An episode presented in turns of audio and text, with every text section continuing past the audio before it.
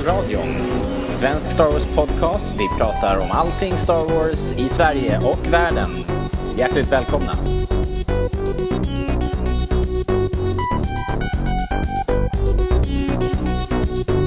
Välkomna till Rebellradion. Eh, Vi är en svensk Star Wars podcast och vi är tillbaks här efter en eh, kort semester. Och jag som är ständiga programledare heter Robert och eh, Sverige är som bekant lite som Tatooine. Om det finns ett ljust centrum i Star Wars-galaxen så ja, då är vi längst därifrån. Eh, the ass end of space som de sa i eh, den utmärkta filmen Troops en gång i tiden. Hur som helst, eh, jag skulle ju försmäkta här utan mina goda vänner Strong in the Force. Hanna, välkommen tillbaka. Tack! Och vad kul det är att vara här. Eller hur? Äntligen! Ja, Star Wars. Faktiskt. Eh, och Erik, Hej hej! välkommen du med. Tack så mycket. Eh, ni har ju varit så vansinnigt långt bort. Ja, vi har verkligen varit... Uh, if there's an ass end of space så har vi varit längst bort ifrån den. Måste säga. Ni har varit liksom på kanten av jorden. ja, Ja. man får ju, det. vi har varit i Norrland för den som är intresserad. Ja, Eh, och båda vi två har ju ett sånt här eh, telefonabonnemang som är gjort lite mer för folk som bor i stan. mm. Så att när man lämnar stan så dör internet och telefontäckningen. Så vi är liksom helt utan kontakt med den yttre världen. Off the grid. Eller har varit, nu är vi tillbaka och allt är som vanligt igen. Men vad bra att du fick en sommarvikarie. Det var härligt. Mm. Ja, Och jättemysigt att lyssna på. Ja, verkligen. Eh, ja, ni har lyssnat. Vad, vad härligt. Ja, Rasmus eh, har ju ryckt in och, Mm. eh, och poddat. Jättekul. Eh, han kommer tillbaka såklart. Eh, någon mer gång. Ehm, Jaha, men då har ni haft något, något kul Star Wars för er då? Ja, eller ja, det beror på. Om jag får dra, alltså kortet som jag drar varje gång eh, är ju X-Wing. Ja, Men nu har det varit en liten speciell grej faktiskt. Ja, det hade jag tänkt vi skulle eh, prata om. Men, Mm, men vi kan go. spara den till sen. Nej, kör, kör. Okej. Vad har hänt? Ja, vi hade ju eh, Nordic Championship här i Uppsala. Ja, Och eh, jag och Hanna och eh, Patrik och några till, vi eh, organiserade hela grejen. stort. Ja, faktiskt. Det var spelare ifrån Sverige, Danmark, Finland och Polen. Hmm. Som här Polen, körde. alltså. Ja, Ja, det är så ligger- vi definierar no Norden nu för tiden. Ja. eh, 37 stycken var de som körde. Och det är slutet på, eh, det finns ju som en eh, organiserad tävlingssäsong eller vad man ska säga av X-Wing Miniatures Game. Och den här var själva avslutningen för Norden då. Eh, det har varit Store Championship som alla spelbutiker har. och då går man vidare. Eh, alla får vara med och spela i alla så man behöver liksom inte kvalificera sig för att vara med i dem. Ska vi bara snabbt, blixtsnabbt eh, flika in och, och tala om vad det är för, eh, vad det är för något spel vi pratar om? X-Wing Miniatures Game. Ja, Ja, det är ett eh, rymdstridsspel med skepp från Star Wars där man flyttar små figurer på varandra som ett brädspel. ja. Och slår tärningar och skjuter ner varandra och sånt. Okej, men eh, hur, eh, hur gick det då? Som eh, organisatör, ni måste ju ha varit helt slut. Eh, 30 plus pers. Eh, vad hade ni för lokal till att börja med? Det var ju stort. Eh, vi var på ett ställe som heter Grand som ligger här i Uppsala. Jag tror att det är en före detta biograf som nu är... Eh, de har typ eh, ja, spelningar så det finns ett dansgolv och ett café och lite sånt där. Men ja, som svar på din fråga så var vi ganska trötta. Mm. Men det var väldigt, väldigt kul. Alltså det gick bra och det känd, allting klaffade liksom. För när det är så, där, så pass många, en ganska stor lokal, eh, pressat tidsschema, det kan gå illa. Eh, men av någon anledning, jag vet inte om det bara var vi eller om vi hade lite tur också, så bara flöt allting på jättefint. Alltså in my experience there's no such thing as luck. ja. Men i varje fall, så det var, det var superkul och alla var väldigt eh, trevliga också. Ja. Så det känns verkligen som att man har kunnat ena eh, X-Wing Norden nu. Ja, och jag, ty- Superkul. Ja, jag tycker att det är kul att se med de som spelar det här spelet. De skiljer sig lite grann, enligt min erfarenhet i alla fall, från hur andra figurspels-communities brukar se ut. Alltså det är väldigt, väldigt trevliga och hjälpsamma människor. Så att det är liksom aldrig några, det är liksom aldrig några problem riktigt. Man, får, man kan liksom inte räkna med trubbel för att det, det kommer liksom inget. Eh, Men det, är vad en- beror det är det på då väldigt- liksom? Alltså jag tror faktiskt att det är eh, Star Wars som är en, en gemensam nämnare för hur det ligger till. Eller liksom hur folk beter sig. Det är inte ett spel som är den gemensamma nämnaren utan det är Star Wars som är det. Du menar att, en, att Star Wars-fans har ett visst lynne och det märks i sådana här tillfällen? Ja, kanske. Eller om det, eller om det hade varit... Eh, nå- om man skulle ta Star Trek eller något annat. Så, så det kanske inte bara är Star Wars. Nu är ju visserligen Star Wars-fans ganska liksom, tillmötesgående mot varandra, tycker jag i största allmänhet.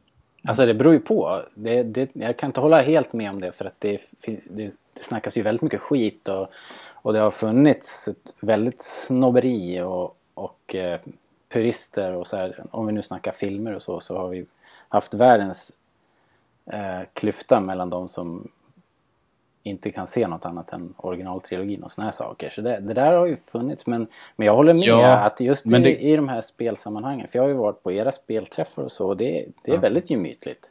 Ja, det är ju också... Nu utspelar sig ju det här spelet bara med, de, den, med skepp och piloter från den gamla trilogin. Så det, det problemet dyker liksom kanske inte riktigt upp. Men här, den här hostiliteten som du nämner, den tycker jag syns mest på internet. Och det här är ju som ett sällskapsspel, så här måste man liksom ses. Eh, och då får inte de där grejerna lika stort utrymme som de kanske får när anonyma människor sitter bakom ett tangentbord. Det finns ju en annan sak som jag tror gör att det blir lite, ja vad ska jag säga, mysigare än kanske vissa andra figurspel. Och det tror jag är att det är eh, ett ganska enkelt spel som går snabbt att spela och man behöver inte måla en massa figurer för att börja spela med det. Så att man kan komma in och inte ta det på allt för stort allvar och ändå ha väldigt, väldigt kul. Eh, Medan många andra figurspel kräver väldigt mycket av en som spelare och då kanske man automatiskt tar allting på lite större allvar. Mm. Okej. Och sen, sen tycker jag generellt sett att man har känslan av att två, alltså när vi spelar X-Wing Miniatures Game så, så spelar vi det tillsammans, inte riktigt mot varandra. Alltså även fast det, det här, det är ju ett täv, alltså man spelar ju mot varandra och i allra högsta grad när det är en organiserad tävling på det här sättet. Men det finns fortfarande kvar lite grann att Det väger inte över liksom. nej, det gör verkligen Det är inte fantastiskt. I ett sånt här sammanhang ändå. Ja, precis. Och, och det, är kul och, det är kul att se. Och det är, så att det är liksom inte... Det är inget svårt att, att organisera något sånt här. Just eftersom att det är så pass tacksamt att göra det. Eh, Man, man bjuder liksom över 40 kompisar ifrån hela Norden. Och sen så spelar man X-Wing tillsammans. Ja, det är ju härligt att man, att Mm. man ens kan eh, liksom eh, att man kan säga så ens. Det är ju helt fantastiskt. 40 Mm. Ja, Vad heter det? Vem och vem, vem vann? Björn Kraft heter han, från Stockholm. Mm. Grattis Sverige Björn! Ja. Bra gjort! Bra spelat. Ja. Han mötte en, en eh, dansk i finalen. Ah. Det var ju lite kul. Ja, ja, faktiskt. Ja. Om du nu är NM så ska det ju vara lite... Ska det ju Ja, synas i finalen också kanske. Jag var lite orolig att, eh, att, det, att det skulle bli... Nu kom det ju naturligtvis eh, mest svenskar av Mm. förklarliga anledningar. Men eh, det var kul att det var en, en så pass stor spridning. De enda som jag saknade var ju Norge och Island i och för sig då. Ja, men det är också en bit att ta sig. Mm. Polen är ju lättare då kanske. Ja, Coolt. och polackerna var väldigt nöjda. De bjöd, bjöd över oss till sin... Eh, de har en egen eh, Nationals heter det. Då är det bara Polen då. Ja, just det. Men hur funkar det då? De är, om det nu är nationals, det är ändå öppet. Det är ändå en open liksom. Ja, eller Nordic var öppet. Alltså om, om någon av polackerna hade vunnit så hade de, det man vinner, ja just det, jag ska förklara klart hur, hur turneringssäsongen ser ut. Efter de här Store Championships som är i spelbutiker runt om i landet så är det två, i Sverige hade vi i alla fall två stycken regionalsmästerskap. Det ena var i Stockholm och det andra var i Malmö. Och sen leder det då vidare till ett landsmästerskap eller i vårat fall. Nu vet inte jag varför det är så men eh, vi har i alla fall att det är, de klumpar ihop hela Norden till ett enda stort land. Jag, jag skulle gissa på att det kanske eh, att det här kanske är sista året som det är så och att vi kanske nästa år får svenska mästerskapen och motsvarande då. Tror du det? Kanske. Men är de tillräckligt stora i de andra nordiska länderna då? Ja, Sverige och Danmark vet jag i alla fall definitivt att det är det. Okej. Okej. Ja, det- Finland är jag lite osäker. Men det Erik skulle nämna var just att första priset eh, är en resa till USA för att vara med i världsmästerskapet. Mm. Eh, inklusive hotell och sådär. Så att det är ett ganska fint pris. Och i, i vårt mästerskap så begränsar vi ju inte priset till att vi behövde vara en nordbo. Nej, Men precis. däremot i Polen då får vi vara med och tävla hur mycket vi vill och man kan vinna andra placeringar. Men just själva resan har de sagt eh, att de sparar för en polack. Mm. Så det får man ju välja lite som organisatör. Nej, det är Eller? leverantören. Aha, okej. Eh, ja. För att det här, de här mästerskapen de måste vara knutna till en butik. Ah. I vårat fall var den knuten, i Uppsala så har vi Fantasia som är en väldigt bra spelbutik som vi har. Och då är det eh, liksom den lokala leverantören som sätter reglerna för vad som gäller. Sponsorn får bestämma vart pengarna ska läggas. Ja, precis. Och polackerna vill inte skicka en svensk till USA. Nej. Det är något gammalt groll förstås. 80-åriga kriget. Nej, ja, ja, det vet jag fasen. Men eh, man gör som man vill. Ja, nej men eh, skämt åsido, det, var- det är ju fantastiskt. Och, och eh, som sagt, trots insatsen då, kul. Alltså, det gäller ju lite grann. Det är ju ett jättefint pris, minst sagt. Mm. Och eh, trots det, den här goda stämningen. Det är ju... Ja, och det, Fantastiskt. jag, det jag är mest imponerad över att det är att den här goda stämningen fortsätter efter att de har spelat, vad blev det, fem, sex, åtta matcher X-Wing Miniatures Game. Uh. Shit, Du spelar ju själv Ja. med mig och Hanna bland annat. Och du vet ju hur mosig i skallen man är efter en eller två matcher. Ja, jag var med i en tävling. Någon sorts Store Championship måste väl det ha varit. Och det var, eller det var, eller det var inte en del av den här ligan. Det var något annat. Men i alla fall, det var fem matcher och då var jag ju helt färdig sen. Vad kul. Eh, vad, fick ni någon klurig regelfråga då? Nej. Faktiskt Ingenting. ingenting. Alltså det var ett par stycken, men det var ingen som var sådär uh, svår liksom. Hm. Eh, nu är det ju så att de som kommer och de som spelar, de är ju väldigt inne i spelet. Så de kan ju väldigt mycket. Så det dyker inte upp sådär jättemycket regelfrågor. Nej, man ställer inte upp kanske om man inte har koll. Nej, På den här eller- nivån på något sätt. Jag vet inte. Det var en kille från Uppsala som han köpte grundspelet dagen innan. Jaha, det är Eh, kaxigt. Ja, han kom till semifinal. Nej, kvart, jo semifinal. Jo, semifinal. Så han blev topp fyra och 37 spelare. Mm. Han hade läst ganska mycket om spelet Ja. men inte, jag tror han hade kört 10 matcher eller något sånt där. Mm. Eh, Så det var ju jättekul för spelet att Ja. visa att man kan, även som nybörjare kan prestera riktigt, riktigt bra. Man Ja. behöver liksom inte ha 50 matcher bakom sig eller 100 matcher. Nej. Men det där, visst har vi pratat om det där någon gång? Att det är lite jobbigt att möta en helt nybörjare. För de är lite opåräkneliga. Ja. Ja. Eller oberäkneliga. Absolut. De gör väldigt märkliga moves och sådär. Man räknar med att någon ska göra ett, ett klassiskt drag. Mm. Och så förbereder man sig för det och gör sina, flyger sina skepp åt det hållet. Men sen är de helt eh, crazy bananas och flyger åt ett annat håll. ja. Och tar risker som man inte hade tänkt att, att de skulle ta. Och då tjänar de väldigt mycket på det. ja, det kan ju funka. Ja, Det och är det, ju det trots var... allt ett tärningsspel också. Så det kan ju liksom... Den, Ja, den, den gamblingen kan ju, kan ju verkligen löna sig. Ja, Coolt. det är nästan en av de sakerna som jag var mest glad för. Att liksom få det svart på vitt. Att, att någon som är ny kan komma in och, och spela till, tävla tillsammans med. Om man tycker om att tävla. Vi har ju, vi har ju, vi har ju fler spelare som kommer och spelar bara för att det är lite kul än vad det var som var med på den här tävlingen bara i Uppsala. Eh, Så det är ju många som inte tycker att det är något kul att tävla. Och vi lägger ju inte störst... Vi har ju en förening som heter Starfighters. eh, Så vi gör en liten podcast och en hemsida om det här spelet. Och vi lägger inte störst fokus på tävlingen. Utan det är just det här... eh, Det gemytliga spelandet som bara är för skojs skull. Mm.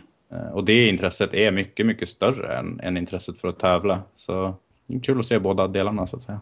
Mm. Du då Robert, har du gjort något roligt? Eh, Ja, inte jättemycket. Det har verkligen varit sommarlov här. Jag har läst lite. Har jag Mm. gjort. Jag har läst Något kul. lite serier. Jag läste de här serierna. Darth Maul, Son of Dathomir har ju kommit. Just det. En jättebra serie. Det är ju det var, var det de som en- skulle vara ifrån Clone Wars Drafts eller? Precis. Ja. Alltså det är ju manus, Clone Wars manus som, som inte blev filmade. Och det märks väldigt tydligt när man läser. Högt tempo. Snyggt och bra på alla sätt.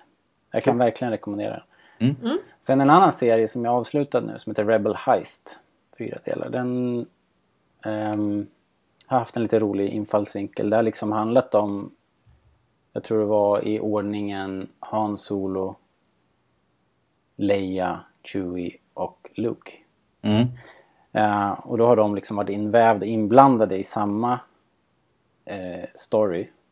Fast eh, de har liksom kommit in på lite, från lite olika håll, lite olika tidpunkter i storyn.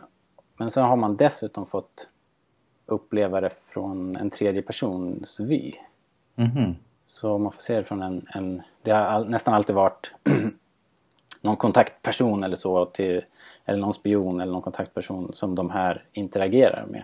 Mm. Så det är genom deras ögon man har fått se det hela och hur de upplever de här nästan superhjältarna ju som vi. Mm. Så rätt eh, cool. Bra skriven. Lite, lite brister tyckte jag i design och så men på det hela taget väldigt läsvärd. Vad bra. Det var eh, Son of Dathomir och Rebel Heist. Yes. Hur många Roberts får eh, Son of Dathomir? Så den är inte avslutad men hittills Okej. så är det ju full pott faktiskt. Oj! Så pass? Ja men eh, jag jag har fått lite kritik för att jag ger tre år på allting. Så Nu jag, förstår jag inte vad du menar. så jag försöker bättra mig här. alltså nu får allt fem år istället. Nej, nej, nej. Lugn i stormen. Jag sågade ju Guardians of the Galaxy häromdagen. Ja, just det. Faktiskt. Inte i fotknallarna men den fick knappt godkänt faktiskt. Oj då. Men den här serien jämfört med andra Star Wars-serier. Den, jag tycker definitivt att det här är något av det bättre jag har läst i serieformat. Så då, då måste man väl ge den en femma. Liksom. Har du fått någon uppfattning om hur många nummer som kommer? Och Med kommer- vilken frekvens? Kom inte ihåg det. Nej. Men eh, de kommer eh, månadsvis eller så. Okej. Mm. Och nu när du säger det så kanske det blir åtta. Vi kanske är, är vi halvvägs. Mm. Sex eller åtta nummer. Så de har kommit en liten bit. Och de finns ju att köpa på Dark Horse Comics Mm. eh, i digital utgåva och ja. Ni kan ju säkert leta rätt på dem i pappersform om ni, om ni vill där ute. Ja, de brukar väl finnas på de välsorterade Ja, serietidningsbutikerna. Det är möjligt. Jag frekventerar inte någon sån butik som handlar med lösnummer. Utan de, de, oftast så har, köper de in samlingarna sen när det blir såna här graphic novels eller Okej. trade paperback. De, de kan man ju få tag på här. Ja. Lösnummer är inte så vanligt. Vi har en bra butik i Uppsala. Sen tror jag att det finns en på Södermalm. Som jag inte kommer ihåg vad den heter. Mm, det fanns en som hette Alvglans där. Den har packat ihop Jaha, okej. tyvärr. Ja, då var det inget. Men det finns ju fler. Det finns Ja. andra. Uh, Staffars serier tror jag är den som är bäst på lösnummer. Men Okej. don't, quote, don't quote me. Eh, hur som helst. Det är, om det. det är en bra serie. Jag tycker ni ska kolla upp det. Och det här är ju det sista som kommer från Dark Horse för övrigt. De blir Okej. ju av med Ja. licensen nu så jag tror inte de kommer att påbörja något nytt. Och nu handlar det nog mest om att bara kränga ut det gamla i, i så många format som de hinner med. Liksom. Så de Mm. buntar ju ihop och gör trade paperbacks och samlingar och sådär och har reor hela tiden. Så att kan vara värt att kolla upp faktiskt. Jag brukar ju inte tycka om att vänta på saker så jag kommer nog vänta in hela serien. Ja, så att alla nummer är kvar, äh, har kommit ut. Så det var ju jag, är. Jag förstår hur du menar. Men det jag, är väl, jag är väldigt sugen men eh, jag vet inte om jag pallar bara ett nummer i månaden. Nej.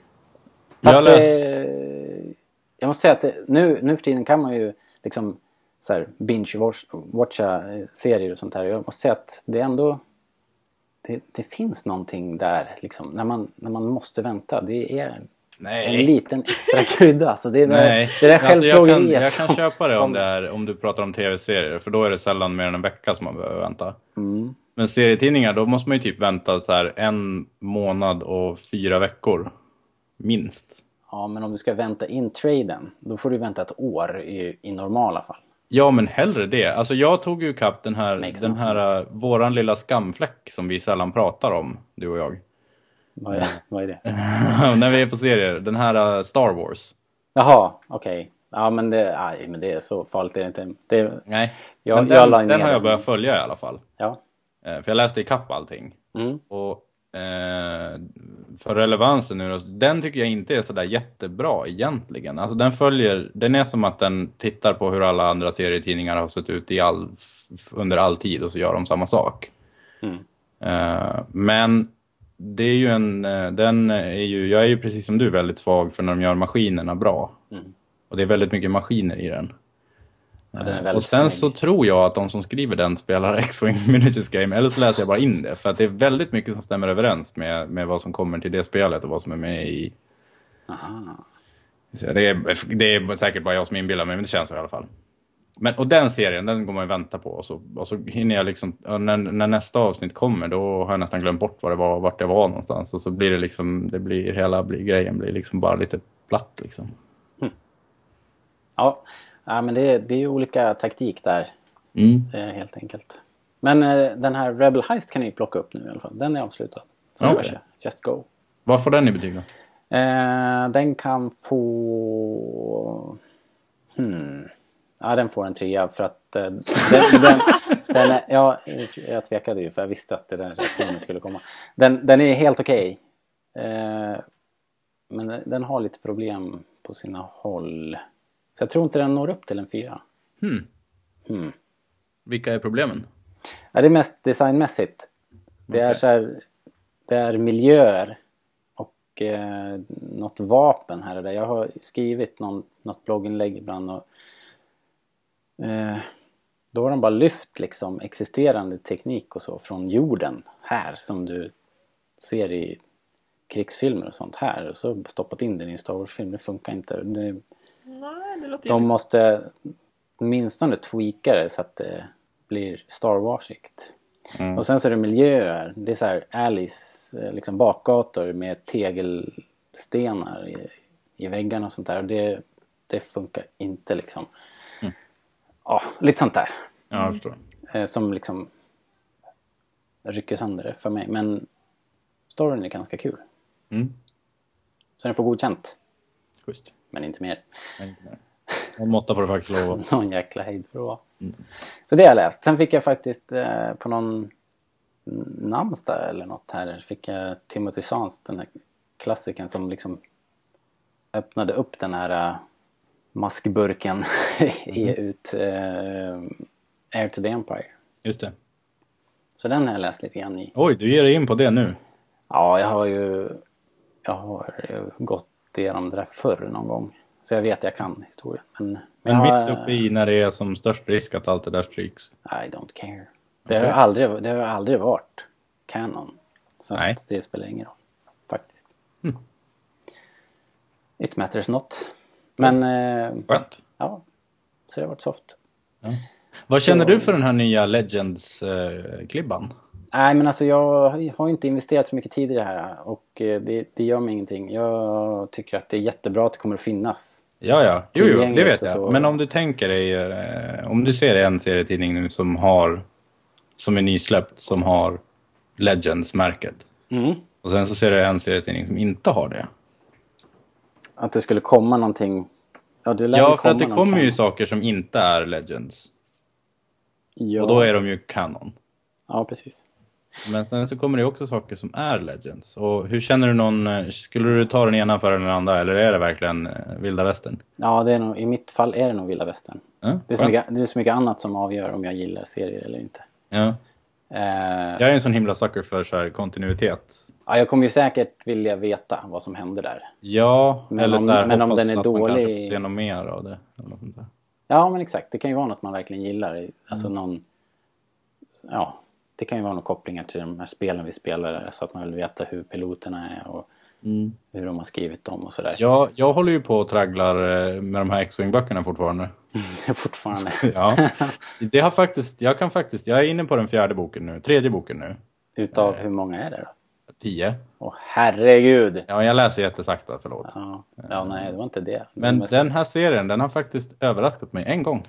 Mm. Har den varit bra? Då kände, då kände jag Det är så illa när det är överraskningen. Ja, det kom en... Eh. Det kom en twist ifrån ingenstans. Eller inte en twist riktigt, men det kom en sån här grej som var så här: wow, riktigt cool. Ja, ja. Ehm, ja, det kan jag ju göra rätt mycket i och för sig. Ja, och nu, nu är ju jag och läser någonting som inte gäller längre. Alltså för att den här utspelar sig efter Episod 6. Ja. Ehm, Det, känns, det, det där känns jag- ju mer som en waste of time då i så fall än att läsa Timothy Zahns böcker som man vet är bara helt bananas liksom. För att det där är ju ändå något som de skulle kunna fiska lite lite i. Alltså framförallt så är det väl en waste of time eftersom de är dåliga. Men nu har det blivit som en där, alltså det känns som att jag har simmat över ett halvt hav och det är liksom lika dumt att vänta. Nej, okej. Okay. Men jag vet inte, jag har bara fått någon tvångstanke att jag ska läsa klart dem. Ja, ja. Lycka till då. Jag ser ju fram emot den här... Jag, jag känner ju av lite grann av det här som jag rynkar på näsan åt förut. Att, eh, att man inte ska ge sig in på de här vattnen som kan tänka sig försvinna. Nej, kanske jag blir lite ledsen om någon av de här grejerna ändras. Jag vet inte. Nej, det Nog om det kanske. Det kommer i så fall att bli bättre. Hanna då, har du hunnit med något? Bortsett från den här eh, jätteturneringen som du har. Vad sa du? Bortsett, ja precis. Bortsett från uh, den här eh, enorma Ja, jag, vi minns inte. Det var jättelänge sedan vi pratade. Uh, vi har ju börjat köra Age Rebellion och jag har varit spelledare. Kommer mm. inte ihåg om vi har pratat om det. Men jag började lite grann i maj, juni någonting sånt. Vi hade ju ett helt avsnitt om det. Jo, jo, men alltså huruvida jag nämnt att jag har börjat Jaha, med det. Då nej. nämnde jag bara att jag någon gång kanske ville spelleda. Men nu har jag alltså tagit tag i det. Cool. Och spelet för första gången. Jätteroligt! Eh, jag kör än så länge bara färdigskrivna äventyr som kommer med spelet. Eh, men man kan ju fortfarande krydda det lite som man själv vill så det känns liksom inte som att man är alltför låst. De här äventyren är också väldigt löst skrivna. Mm. Eh, så att det, i varje fall ett av dem jag är på nu så står det liksom så här ja det här, ska, det här är målet med det här uppdraget, du får göra lite som du vill. Ja, okay. eh, så att, så att det, det, går att bidra väldigt mycket som spelledare och det var jag förvånad över och positivt överraskad av. Eh, så det är skoj. Ja, det låter roligt. Hur, hur tycker du spelet eh, är då? För det var ju när vi gjorde den podden, den här rollspelsradion, eh, för några månader sedan när det nu var. Var, i, var det tidigt i våras någon gång? Ja, jag tror det. Så um, pratade vi om Fantasy Flight Games ny, då rätt nya rollspel. Ja, precis. Vi hade ju kört Edge of the Empire tidigare och nu kör vi Age of Rebellion så det är alltså uppföljningen kan man säga men det är ju samma, exakt samma ja. egentligen spelmekanik. Så att Den expansionen var väl precis på gång då tror jag? Ja precis och nu, alltså den faktiska regelboken kom nu i juli men det har funnits en beta ganska länge som man har kunnat använda sig av. Eh, och startboxen kom i maj tror jag eller något sånt där. Eh, så man har kunnat spela det ganska länge nu i varje fall. Eh, det, men det är väldigt, det är ju egentligen exakt samma som det tidigare rollspelet men man får köra i rebellmiljö. Och det har man ju kunnat göra innan också förstås men här finns det lite färdigskrivna grejer som handlar om det. Mm. Eh, så det är mycket stormtroopers som kommer dundrande ner för korridorerna och eh, Erik med vänner ska eh, ta död, död på dem eller lura att de är tillhör imperiet eller motsvarande. Eh, men ja, ja, hittills har jag redan nu efter bara några sessioner fått ganska många goda skratt inombords och eh, blivit förvånad över hur mycket galenskaper de kommer på som jag inte alls har förberett mig, förberett mig på. Så det blir väldigt mycket improvisationsträning här, men det är skoj. Okay. De, de har väldigt mycket finurliga lösningar på saker och ting. Okej, okay. de, men de lyckas hålla sig inom ramarna i alla fall. Och det känns som Star Wars fortfarande. Ja, ja, oh ja, oh ja. Det är bara det att man, jag själv kanske inte har förberett mig på att okay. de bygger fällor och motsvarande. Okay. men det, det löser sig. Kul! Ja. Hörrni... Få, antingen så kan du köpa boken eller komma och bläddra i den om du är här och hälsar på någon gång. Uh, den är väldigt snygg och har väldigt fin artwork som vanligt. Ja. ja, du fick ju se Edge of the Empire-boken mm. och det är ju exakt samma känsla på dem. Ja, det är en fantastisk produkt faktiskt. Det, det är oh, ja. ju så himla välgjort. Man kan ja. ha den som en bilderbok om inte annat. Ja, faktiskt. Precis som, som de gamla också. Alltså de här rollspelen har alltid varit ganska schyssta produkter. Mm. Mm. Ja, det rekommenderar jag. producerade. Ja. Härligt. Hörni, ska vi försöka prata lite nyheter kanske? Mm. Absolut.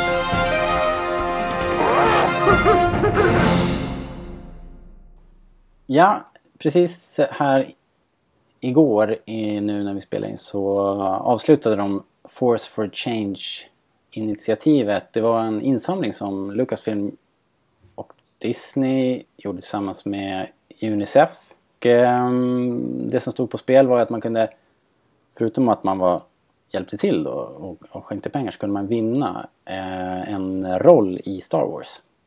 I Episod 7 och man kunde få man kunde vinna en middag med JJ Abrams och eh, Lawrence Kasdan och man kunde få en privat visning, alltså en film. De kunde visa filmen på en biograf i din hemstad innan premiären. Eh, och som sagt, det avslutades igår och det var inte jag som vann. Nej, Tråkigt. Eller hur? ja, Ja. jag är besviken. Så jävla dystert. Jag har fortfarande chansen på den här middagen och, eh, och biovisningen. Tror jag. För biovisningen är ju det roligaste. Ja, det känner jag också. Ja, Eller jag ja, vet ja. inte. Alltså middagen är ju spännande men man- det är ju alltid lite så här risk för att det bara blir lite starstruck om man inte riktigt har så mycket. Du skulle ju och ha massa bra att säga. Jag känner att jag och inte skulle... stammar liksom. Ja, jag tror att jag inte skulle få Svettas. fram så mycket. Ja. Eh, och jag tänker samma grej. Det är ju klart det vore jättehärligt att vara med i, i, Star Wars. Men jag kan också tänka mig att det kanske inte är en så spännande roll heller. Antagligen inte. Eh, så då, jag vet inte, jag tycker nog att visningen känns härligast. Ja, det ett som vi sa också var ju lättast, lättast att, kunna tillgo- tillgodose eh, liksom alla, alla kompisars Ja, eh, krav också. Ja. för, för vem skulle man annars ha tagit med sig? För man får ju ta, skulle ju få ta med sig en person då. Ja, ja jag hörde Skulle det. Ni, ni diskutera barn och Vem skulle man ta med sig? vänner och ja. Mitt hjärta brast när jag satt och hörde vem du skulle... Jag, bara, jag satt och gjorde mig så himla beredd på att du skulle säga nej. Och så gjorde Men du du hade ju, jag visste ju att du inte hade varit med i det här. Nej. Så jag, så jag kände att Han förtjänar inte det. då, då hade jag ju liksom... Eh, då, du hade liksom inte satsat. Nej. Spelar ingen roll nu.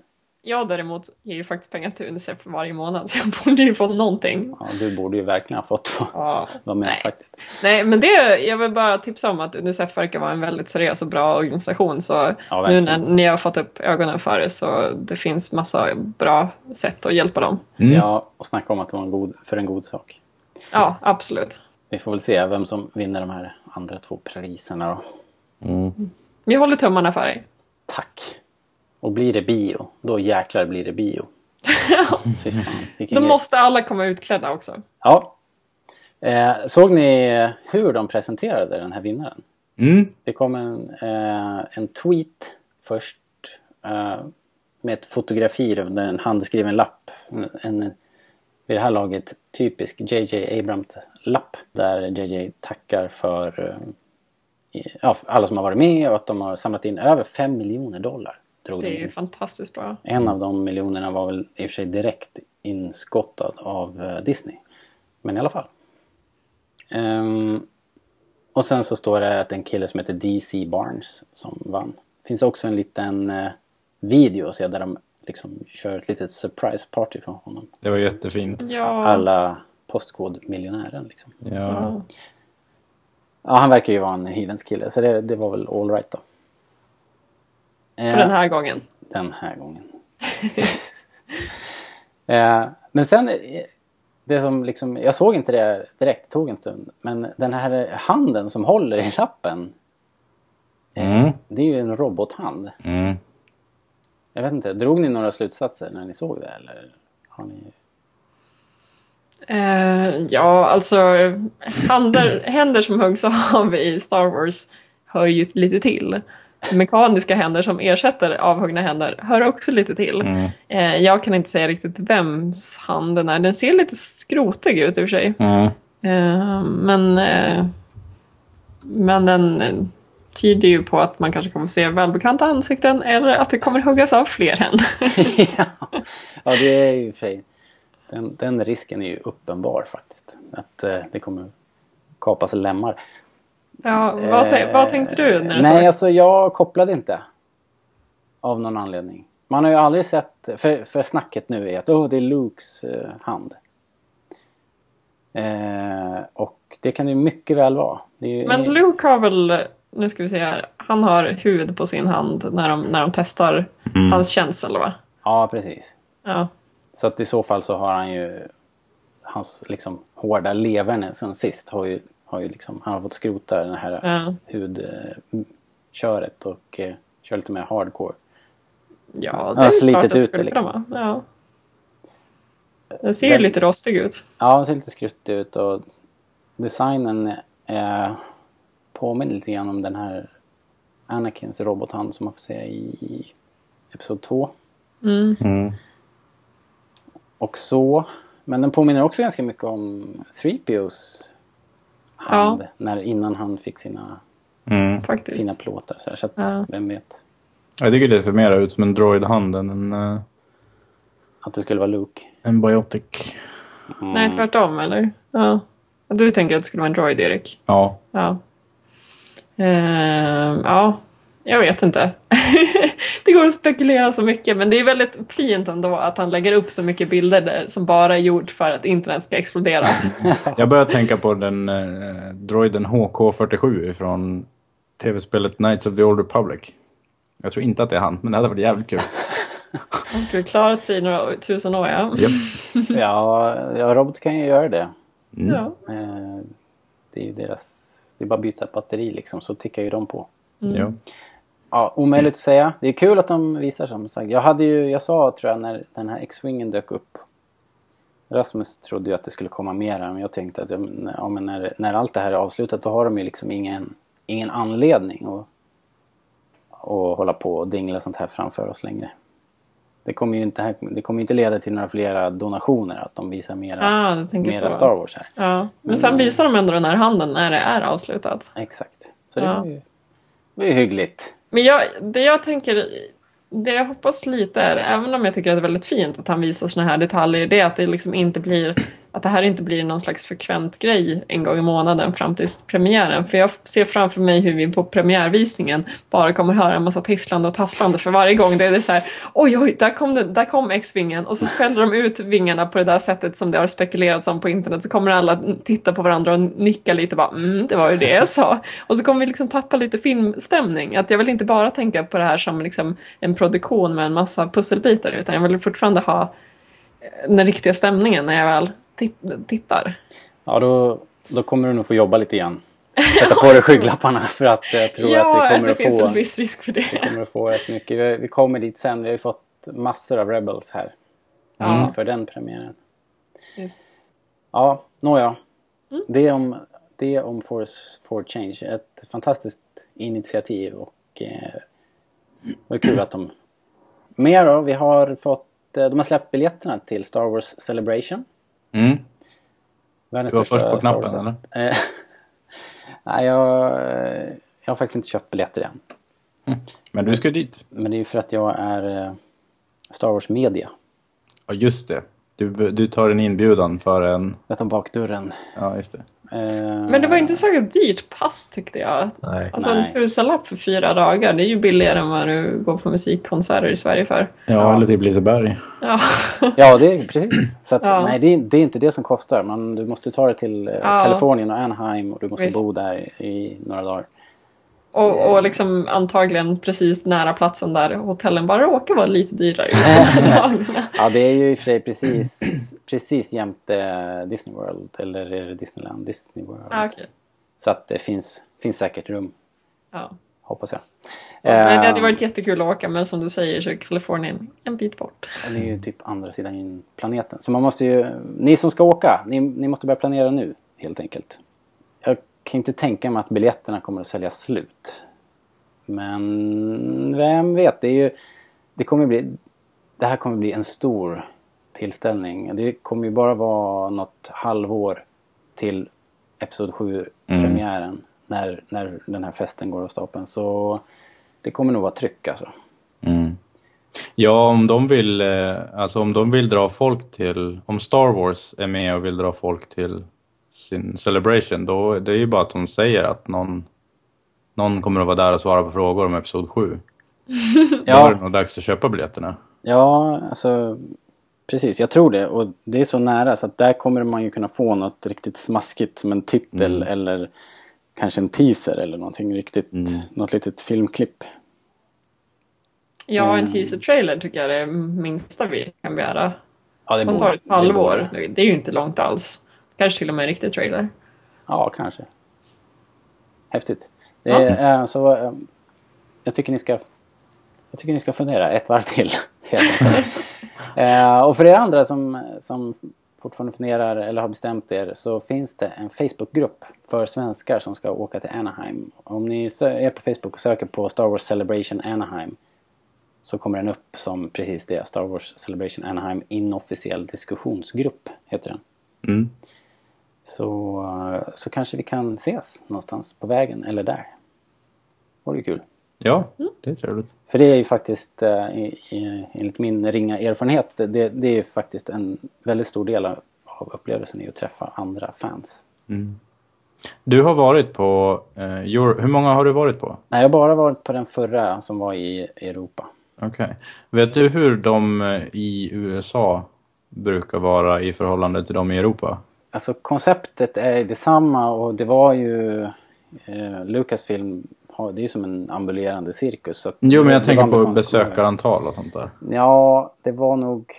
Det var knappt 20 000 tror jag som besökte i Tyskland i SM. Mm. Och jag tror att det var runt 30 000. Så det var ju betydligt större i Mm. Florida senast.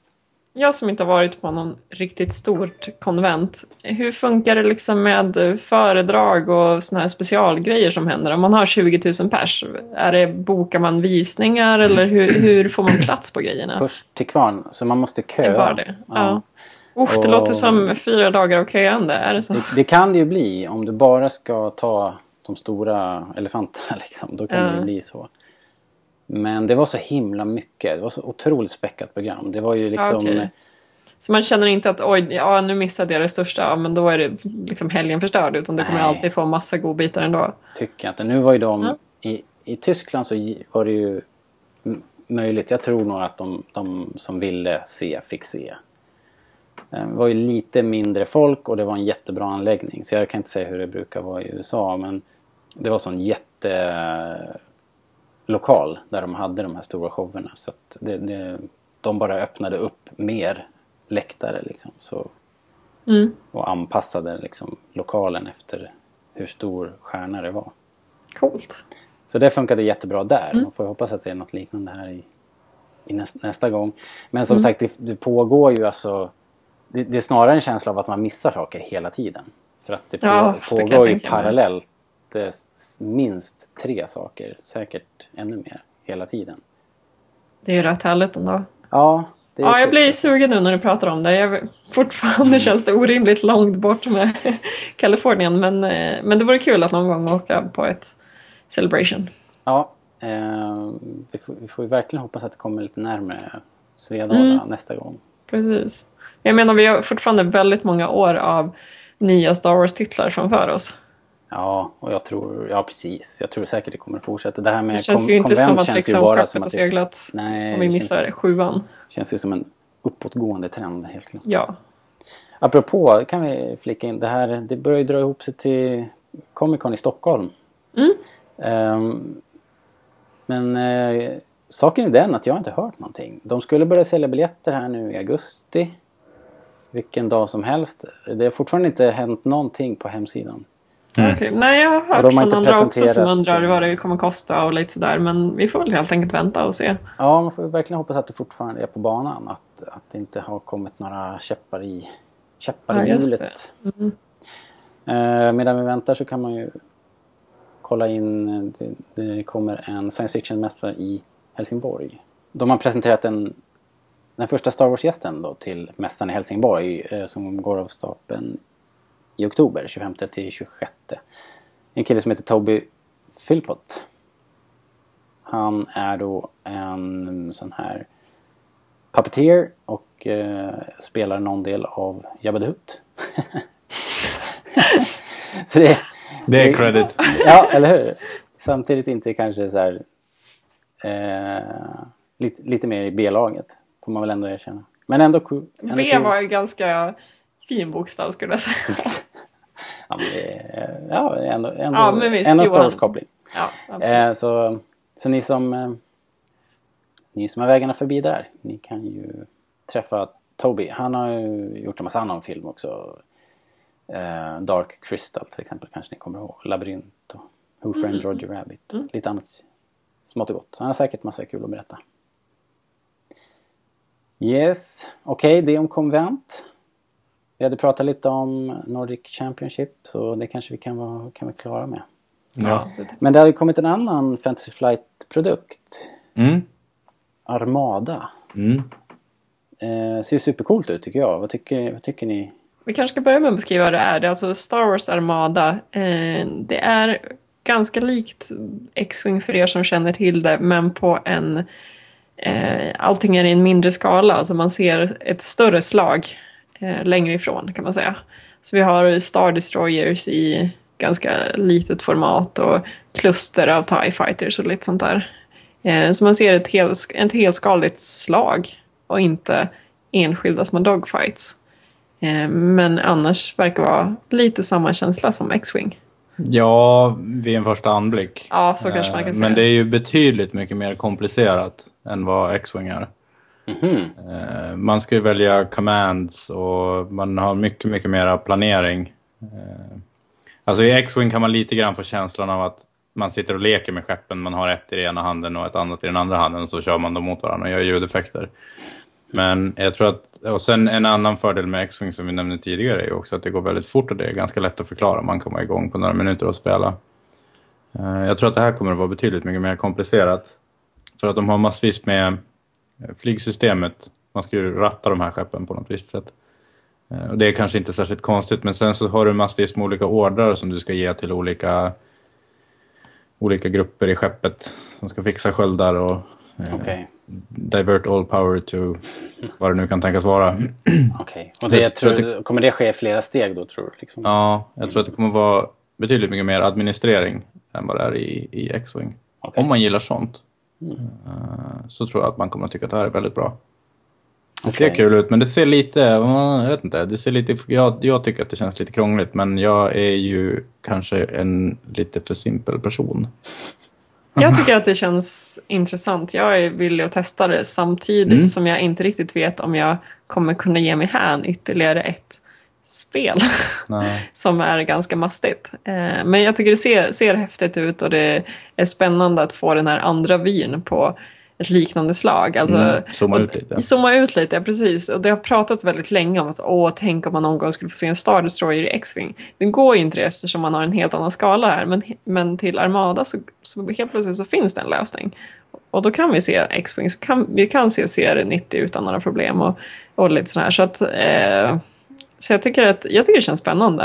Eh, men, men som sagt, det kanske är svårt att ha två spel parallellt. Ehm, och, det, och det är väl det kanske som kan, kanske kan vara svagheten. När den här nyheten kom så kändes det i varje fall som i vårt X-Wing-sällskap så var det väldigt många som bara nej, jag kan inte ta ett till spel. eh, och nu har X-Wing fun- funnits i ungefär två år och blivit väldigt populärt. Så det finns ju en viss risk att de har svårt att fånga spelare för att det finns redan befintliga spelare som inte tål ett till spel och de nya kanske inte ändå kommer vara så intresserade av det här. Jag vet inte. Nej, jag kände väl att precis som du Hanna, att det, det lockar verkligen den här uh, vyn. Alltså att se bordet framför sig med, med flottor av Star Destroyers och sådär. Det, det, det tycker jag känns väldigt intressant. Men jag blir lite bekymrad när jag hör er beskriva vad ni har hört och vad ni tror om det. För att det får inte vara för komplicerat. Fast det måste ju Det också måste- vara måste lite ju vara- komplicerat. Ja, alltså, man, det måste ju vara... X-Wings styrka är ju att det är så himla lätt att komma igång med. Va? Ja, men då är det ju ett skepp. Alltså man kan ju Ja. inte... Jag tycker att det skulle kännas helt meningslöst att göra ett till X-Wing fast i en annan skala så att det är de stora skeppen istället. Ja, Det får inte vara för likt heller. Nej, så att, och, och sen alltså jag menar om det är, det är ju flera tusen i besättningen på en, en Star Destroyer. Om det då bara är piloten, liksom, eller han som styr skeppet. Om, om man ska liksom bara flyga och skjuta, då blir det lite tråkigt nästan. Mm. Jag vill ju behöva välja om jag ska lägga, alltså om jag ska lägga min tillgängliga kraft på motorerna eller sköldarna eller kanonerna. Mm. Och vart mina eskortskepp ska ta vägen någonstans, alla sådana där saker. Ja, det är sant. Om jag ska göra det här. Alltså jag säger absolut inte att det verkar ointressant. Jag är jättesugen på att prova det här. Eh, det verkar bara lite mer eh, avancerat än vad X-Wing är. Mm. Jag tycker ju, alltså jag har inte läst så mycket om det men jag tycker de har visat lite bilder på vilka kort och expansioner och sånt där. Jag tycker inte att det känns så mycket mer komplicerat. Eh, och framförallt har jag ganska hög tilltro till, eh, till Fantasy Flight Games. Alltså de, de känns som att de är duktiga på att göra tydliga regler där man liksom hänger med och fattar ganska snabbt och, och så vidare. Så att jag, tror, jag tror nog ändå, visst det kanske inte går fullt lika snabbt att lära sig, men jag tror inte att det nödvändigtvis behöver kännas krångligare. Kanske lite fler saker i huvudet, men, men att jag, jag tror att det kommer kännas ändå ganska begripligt när man sätter igång. Mm, ja, det är min förhoppning i alla fall också, Ja. måste jag säga. Att eh, jag känner som du, att det, Fantasy Flight Games har byggt upp ett sånt förtroende med X-Wing så att jag, jag känner mig genast glad när den här produkten kommer. Att det, det här kommer bli jätteroligt. Men, Sen känns det lite som en så här skö, skön eh, fortsättning om man säger X-Wing. Att tidigare har vi liksom varit piloter i rebellrörelsen till exempel. Eh, och nu har vi blivit befordrade och eh, får styra de, de fi, finskeppen, de stora skeppen. eller vara amiraler eller bestämma en hel eh, skvadron. Mm. Och, eller motsvarande på Imperiet. Att man har liksom blivit befordrad och fått plötsligt ta de stora besluten. Ja.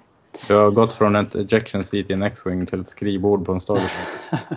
Och det hänger ganska bra ihop tycker jag med ehm, Age of Rebellion eh, rollspelet. Att där får man också, får också lite känsla av att det de vill om man skulle spela det länge det är att man först ska spela en liten grupp som inte alls har några resurser och liksom är nybörjare i rebellrörelsen och sen ska man stiga i rankningarna och kanske få mer och mer ansvar och kanske då styra större slag.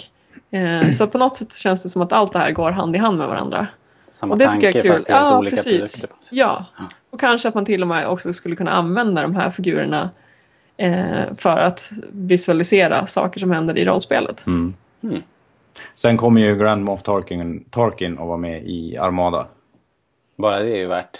Ja, Ja, precis. man ser honom på Såg en... jag rätt att det skulle bild kosta på- 65 dollar? Grundpaketet eller? Det var dyrt i så fall. tycker jag. Ja, 65 pund till och med kanske. Gans, ganska mycket pengar, ja. Det är dubbelt så dyrt i så fall som ett X-Wing Ja, men startkit. det verkar vara mycket fler skepp också i startkittet. Mhm, Och fler komponenter Ja. i största allmänhet. Okej. Jag tror att deras, eh, deras grundsystem är ju... I X-Wing är ju bara några kartongbitar. Eh, här, är det ju, här har de ju ett, ett ganska avancerat cylindersystem för att välja eh, liksom, eh, ordrar till sin besättning. Ja, det var massa fräsiga stativ med flera såna här hjul på som man skulle ställa in. Mm. Ja, det är ju ja, precis på bara stativen är ju betydligt mycket eh, mer. Mm. Och sen så är de små skeppen är inte målade, det tycker jag är lite tråkigt. Ja, det var ju lite surt kanske. Ja, får man måla dem själv. Det kan ju vara kul. Ja, så skiter man i det. Nej. Nej. Eller jo, det kan man naturligtvis göra. Men man har möjlighet att göra för sina skepp Ja. fina och customized. Hur kommer föreningen Starfighters ställa sig till den här produkten då? Föreningen Starfighters ägnar sig åt eh, främjandet av spelandet av X-Wing Miniatures Game. Okej. Nej, jag vet inte. Vi får se eh, vad, hur, intresset, eh, hur intresset ser ut och hur spelet ser ut och vilka, om det är överlappar eller om hur det nu ligger till. Mm. Det får kanske bli Armada Fighters. Ja. En avknoppning. Mm, men jag tror att det här spelet kommer att locka två olika sorters spelare inom samma genre, kan man kan säga. Det här kanske blir lite mer åt klassiskt figurspel, mer strategi, tänker jag. Vi får se. Alltså de som tycker att det är för lite strategi i X-Wing kommer nog att känna sig som hemma i Armada, Mm, kanske. faktiskt. Eh, det, det ser... Ja, det lockar mig. Det ser fruktansvärt coolt ut. Eh, yes. Bra. Space is no longer safe. Ready, Imperial Commander. Ready, Rebel Commander. In the new Star Wars galactic battle, massive fleets of Imperial and Rebel starships trade blows. Imperial Commander, fire. Nothing but air. Victory is not just hit or miss. Put a strategic battle plan into place. Identify. Star Destroyer. Isolate. Meet Mr. And incinerate your enemy. Electronic galactic battle with 20 authentic ships. The Force in galactic battles. Batteries not included. Det har kommit en boknyhet också som var lite rolig. Del Rey eh, berättar på Facebook att de kommer ge ut en bok av eh, en författare som heter Christy Golden och den kommer handla om Asai Ventres och Quinlan Voss. Och det här är ju precis som den här serietidningen som vi pratade om förut som jag, som jag gav full pott. Så är den här boken eh, en adaption av ett tv-seriemanus som inte blev av. Jag tycker det här ser väldigt spännande ut. Jag med. Dels för att det är de här karaktärerna och främst då Ventres som jag blir glad bara jag ser den här lilla grafiken, lilla bok. Ja, det är väl som någon, någon grafik. Ja. När hon har hår. Hon har lite hår. Ja, Supercoolt. det är snedbena. ja. Det är coolt. Jag, blir, jag känner lite så här. Jag tycker att det är så sorgligt att så här, ja, det här blev aldrig riktigt av i Clone Wars typ. Det hade varit kul att se Mm. en ark med de där två. Eh, Quinlan Voss, han är ju en karaktär. ja, det är han ju verkligen. Och eh, Ventress, hon, är ju, hon blir ju bara bättre och bättre genom hela serien. Så det är synd att man inte får se det, men att det är baserat på, alltså att det är baserat på, på vad som skulle bli fortsättningen av en karaktär som är så pass bra i Clone Wars så, så ser jag fram emot det här jätte, jättemycket. Ja, eller Det var riktigt kul. Det Sen tycker jag, jag var inte riktigt förtjust i Clone Wars Quinlan. om man kan säga. Jag tycker att han kändes häftigare när han porträtterades i serietidningarna. Mm. Eh, Så att jag tänker också att det här är, eh, kommer nog, förutom att det är en bok och liksom det ger en fyllighet i sig, så tror jag att det kommer göra att chanserna för att Quinlan Voss blir häftig lite större. Mm. Ja, okej. Jag har inte läst serierna i någon större utsträckning. Just, just de serierna. Du kan få några cherries av mig. Okej, gärna. eh, Så gärna. ska du få se. När han är i sitt esse. Men vi kan väl säga att båda de här karaktärerna känns som att deras största egenskap är just att de svajar lite mellan flera olika sidor. Deras liksom, lojalitet varierar lite grann. Och de, de är ganska komplexa karaktärer båda två. Mm. Eh, och sånt kan ju vara kul. De är lite utanför båda två. Ja, precis. Det kan bli väldigt, väldigt, väldigt intressant. Hanna, kommer du ihåg också att vi pratade om för länge sedan om eh, några Så skisser som kom? Just det. Där vi såg de här karaktärerna. Ja, Eller åtminstone såg vi Quinlan, vad Quinlan du? åtminstone. Ja. Nu får vi det. Nu kommer det. Härligt. Det ska bli spännande. Och eh, nästa sommar, 2015, kommer det. Ja. Vi avslutar nyheterna och går vidare.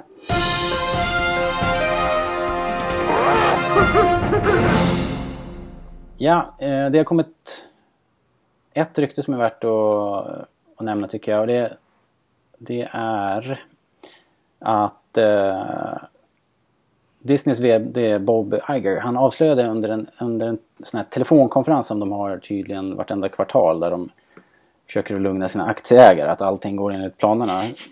Eh, jag undrar hur stämningen är där inne. ja, men varför är folk så lugn. himla på, tänker jag? Vad Ja. måste de veta hela tiden? Väl... De vill, de vill väl ha liksom cash. De måste kunna planera för sina eh, jacuzzis och yachts. Ja, och... jag tror, inte att, jag tror inte att de bryr sig så mycket om Star Wars liksom. Den känslan man har. Ja, Utan att det är nog degen som... Eh, ja det är det ju verkligen. Och det är, det är lite läskigt faktiskt. Hur som helst så sa eh, Bob där att eh, de funderar på att göra specifika Star Wars-parker för att parks do better when they're branded. Som han sa. Och det var ju fantastiska nyheter. Om, vi kanske inte ska ta det som nyheter. Det var därför jag satte det i någon sorts ryktessegment här. För att det här är ju trots allt på ett väldigt tidigt skede. ja. Och Star Wars-parker har det ju pratats om förr. Så att eh, vi får väl se. Men det vore kul. Det vore väldigt kul. Tänk om det kunde komma en Star Wars-park i Europa någonstans. Mm. Ju lätt. Frågan är hur lång tid, alltså vilket tidsspann pratar vi om nu? Först ska de bestämma det här. Mm. bästa fall skulle jag säga ett år eller två kanske. Eh, och sen så, hur lång tid tror vi tar att få det att byggas? Fem år? Ingen aning. Det låter Alltså, långt. din, jag tänker så här, dina barn kommer ju vara gamla när det här händer. Alltså, jag tror att, jag tror att så här, den ena delen år, ett år och jag. den andra delen fem år. Den stämmer nog. Men jag tror att det kommer att vara fem år skissbord och sen ett år så bara står det där. Nej, men ni, de här är ju superproffs. De har ju, driver ju hur många parker som helst. De har ju jätteproduktionsavdelningar som bara som inte gör något annat än att skissa på såna här grejer. Så att, Ja, jag hoppas ju att jag har jag fel. tror att det, jag tror att det finns planer och jag tror att det skulle ta... Det skulle ta kanske... Jag tror att det tar mindre än två år att realisera. Men det är ju bara jag som fantiserar såklart. Ja. Ja, det vore coolt. Eh, och den kommer ju inte komma i Europa. Nej, det finns väl ganska Eh. Jag har ju något svagt minne av att jag åkte på någon Star Wars-attraktion när jag var på Disney World i början av 90-talet. oh ja. Och jag, kan det stämma? Har de haft liksom sådana Ja, samarbeten? ja. Ah, ja, okej. ja. Star Tours. Och eh, den eh, kom en ny version förra året, för, eller för förra året. Jag minns att jag tyckte det var väldigt spännande, men jag blev osäker på ifall det verkligen var Star Wars. Det är sant. Du, Ja. har- du har gjort det. Det Ja. har hänt. Som åttaåring. Berätta allt. ja. Nej, jag kommer inte kunna recensera det mer detalj än så. Men det var väl så kallat fränt som man sa på 80-talet. Eller 90-talet. Men när du åker till USA nu i vår så är det ju lätt Gärna för dig att smita över till, Ja, just till Disney World och köra den nya Star Tours. Det ska jag komma ihåg. Ja, jag bara ja. slänger ut det. ja, vi får se. Kul rykte i alla fall. Ja, verkligen. Som, eh, känns som ett rykte som har lite substans. Ibland i, en, i den snåreskog av knasigheter som, som annars kommer. Ja, men faktiskt. Now, in a kingdom very, very near. Arthur, do hurry. The passengers are boarding. Prepare yourselves Welcome aboard. for the ultimate Disneyland thrill attraction from the imagination of Disney and George Lucas. Because now, the adventure is real. Star Tours at Disneyland. In all the universe, there is no greater thrill. Now open at Disneyland. Ja, vi går vidare. Eh, vi skulle prata lite grann om Rebels. Det har hänt mycket där på den fronten. Det har ju dundrat ut mycket trailers och häromsistens så kom det... De sände ett sju minuter långt eh, för, en förhandstitt på Disney XD. Och det dök ju upp på Youtube ganska snart. Tror vi att det här är sju minuter från första avsnittet, eller? Det verkar det som. Ja, jag ty- ty- tycker också det låter som det. Ja. Eller såg ut som det. Det, det är den... Ja, det har jag fått för mig i alla fall att det är. Det ska ju bli ett dubbelavsnitt det första. Just det. Och det känns ändå som att det här är... Det verkar ju lite kondenserat ändå. Det verkar inte vara riktigt eh, från start, start liksom. Utan det, det verkar vara taget sju minuter i den första, lite där det börjar hetta till. Eller någon sorts ac- actionsekvens är det ju. Mm. Vad är era första intryck efter att ni såg det här? Och liksom? Ja, börjar du. Ehm, ja. jag känner att jag... eh, jag vill ju vara superpositiv. För att jag eh, Men. tyckte inte så mycket om... Det hänger ett eh, men. Tycker, tycker så mycket om Clone Wars. Alltså jag tror, jag tror att absolut att det, att det kan bli bra. Det fanns mycket positiva saker. Jag tyckte att stämningen var ganska skön när det kommer till karaktärerna. Jag tycker att Kanan känns härligare än vad jag trodde. Jag trodde att han skulle vara ganska stroppig. Eh, han känns ganska skön istället. Eh, jag tyckte Ezra också kändes ja, ganska härlig och inte så himla tydligt god till exempel. Eh, det jag kanske reagerade på det var just eh, eh, vad ska man säga, miljön och ljudet och sånt där. Det kändes inte riktigt som det var klart. Jag hoppas att det inte riktigt är klart men jag har svårt att förstå varför de annars, eller varför de skulle kunna visa ett halvfärdigt avsnitt. Eh, för att jag tyckte att det kändes som eh, det var liksom saknades bakgrundsmusik vid många tillfällen. Eh, den här staden de befann sig i kändes väldigt liksom Ja, ja men liksom platt. Att det, det var inte så mycket liv, inte så mycket folk. Det kanske motsvarar hur det är i när imperiet har tagit över och det är ingen som vågar gå ut. Men, men det kändes inte särskilt levande. Ehm, så, så det var någonting som, liksom, som, som skavde lite grann när jag tittade på det. Eh, det kan ju också ha att göra med att det, liksom, det är en ny serie, det har inte riktigt kommit igång än och så. Men, ehm, men ja, mm, ja. lite den känslan fick jag. Ja, Ja. E- Erik då, vad tyckte du? Nej, alltså jag håller med. Jag tycker inte att det kändes övertygande. Um, och jag har funderat lite grann på eh, det här med att, ja, var det, var det precis samma sak som jag tänkte om Clone Wars första gången jag såg det? Men det, det är inte riktigt det. För att Clone Wars, där var det lite så här, en lite konstig stil. Men här känns det bara, det känns, det vi, det vi såg där, det känns, det känns så tomt. Och som Hanna sa, jag tycker att det känns omastrat, ljudet. Jag tycker som att det känns som att, det känns som att se liksom bakom scenerna på några av de nya filmerna när de bara springer framför en blue screen. Liksom om man tar bort all bakgrund. ja, det var lite blue Så, screen-känsla. så väldigt så här tomt. Och det är inte så, det kanske inte är konstigt om, om, eh, om de inte är klara. För att de andra snuttarna som vi har sett, de tycker jag känns mycket fylligare. Eh, Det kom ut en tre minuters eh, The Machine in the Ghost. Ja, just det. Eh, Den tyckte jag kändes jätte, jättebra. Den var, och där är de ändå ute i rymden och den kändes inte tom. Ja, jag håller med. Ja, det var stor med. skillnad. Men när de var inne i stan, då kändes det som... Det kändes som de här robotavsnitten som vi inte nämner från Clone Wars. Alltså så här, vi orkade inte rendera en värld så det bara är ingen här. Nej. Typ. Och det är något... Och Lucasfilm bara, det är en feature. Ja, precis. Eh, Det är svårt att sätta fingret på det, men det kändes bara inte levande. Och sen så tyckte jag, jag tyckte inte att röst, jag tyckte att röstskådespelarna i det klippet kändes som att de kanske inte riktigt var eh, liksom regisserade till sitt yttersta. Det är någonting med ljudet och det, det sticker ut. Och det kliar i öronen nästan. Det, jag har också funderat som en galning på vad det är för någonting. Det känns... Jag trodde också först att det är röstskådisarna. Det klaff, det liksom har, har inte klickat liksom.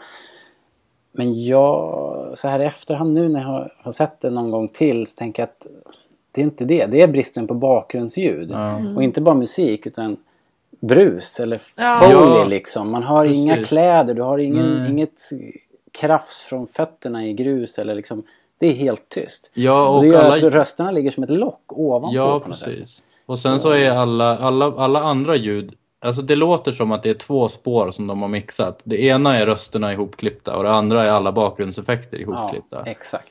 För att när de till exempel åker iväg med speeders, då låter de liksom kanske som en mobiltelefon som har vibrator på.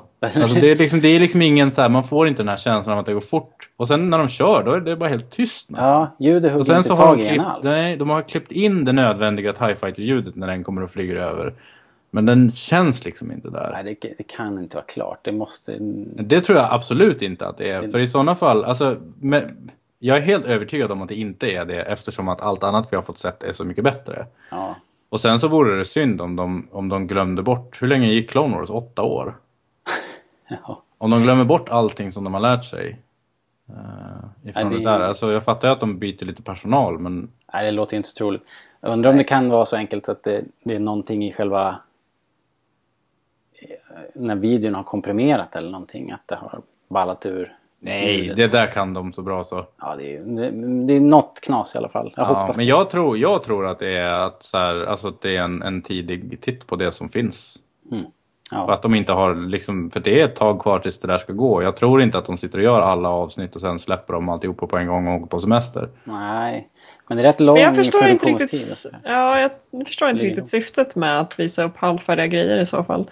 Men jag, jag hoppas ju att, att Erik har rätt. att det inte riktigt är klart. Ja, det Eh, hoppas jag verkligen. Ja, och jag fattar syftet lite grann. Alltså för att så här, det här är ju en ny, en ny liksom konstform på sätt och vis. Men de, men de har liksom inte sålt in det som att nu ska ni få se ett production-klipp eller någonting. Nej. Så det är det, det som är konstigt. Men det, är- det är ju en preview. Ja. Men ja. Ja, Vi får vi se. får hoppas. För Ja. precis som du sa Erik, så det här andra klippet som kom i går eller förrgår, Machine in the Ghost. Ja, den har jag sett flera gånger. Jag tycker den är bra som helst. Och, har du sett det också Hanna? Ja, jag såg det här, idag. Jag måste säga att, att det, det var en liten nytändning. Ja, ja. Och det var absolut. både ljudet och men framförallt så tyckte jag karaktärerna var roliga. Och, framförallt till, till och med Chopper. Ja. Ja. Ja, ja. Alltså det är inte konstigt att han är sur med de där två som håller på att dumma sig med honom. Jag skulle, jag identifierar mig bara med honom i princip. Jag tyckte de andra två var så jättelöjliga. Det mitt enda problem med det där, och det är mitt ständiga problem med Star Wars. Eh, det är att det är, ja, jag har ett konstant problem med Star Wars och det är den här Åsa-Nisse-grejen som blir. Jag trodde du skulle säga att det var jag. Nej, okej. Nej, du är ju inte Star Wars. Nej. Men ett problem? Ah, never mind. Ja, alltså typ i början, det började med att till exempel Han Solo ensam jagar stormtroopers i någon korridor och det är bara så här man väntar sig bara att det ska komma ett bananskal eller att, någon, att en stormtrooper ska gå, för, försöka gå igenom en dörr med en stege eller något sånt där. Det blir så här buskis känsla. Och samma sak finns det i typ eh, Robot Factory i, eh, i uh, Episod 2 va? Alltså, och sen nu i Rebels när så här, ja, då ska Chopper åka emellan och så blir det lite så här lustiga kommunikationsmissar och så bara... Ja, men... Jag tyckte inte det var något stort problem. Nej, inte jag heller. Jag är ett finkänsligt kalibrerat instrument så för mig så är det... jag stör mig lite grann på det. Men det är ju så här, det har alltid en del av Star Wars. Så att det är ingenting som, ingenting som liksom... Eh, alltså det är som ens, ens liksom dumma syskon som man får lära sig att älska ändå. Ja, jag tycker att det där är en del av kärnan om jag ska vara ärlig. Man vill ha det här... äh, Man vill ha det här kompisgänget som eh, snackar och gnabbas lite grann. Det, det hör till. Men det är ju en väldigt, en, en, verkligen en så här, racers edge, eh, en fin linje att vandra på för att det kan ju, det kan ju bli bara bli väldigt jobbigt också. Och det var den känslan jag hade fått hittills med Chopper att det funkade inte. Men i det här klippet så funkade det tyckte jag. Ja, alltså jag menar jag skulle också bli sur om de höll på att luras med en. Ja, eller bara ge kontraorder konstant. Ja, Det, blir väldigt jobbigt att jobba på ja. ett sånt ställe. Det är inte, han är inte sur, han är helt normal. Ja. Precis. Men en sak som, eh, tillbaka till den här uh, previewn som vi fick se. Sju minuter, ja. Mm, om jag säger så här, who is that kid? And now, a first look at the new Disney XD series, Star Wars Rebels. Repeat, this is a code red. Thank you.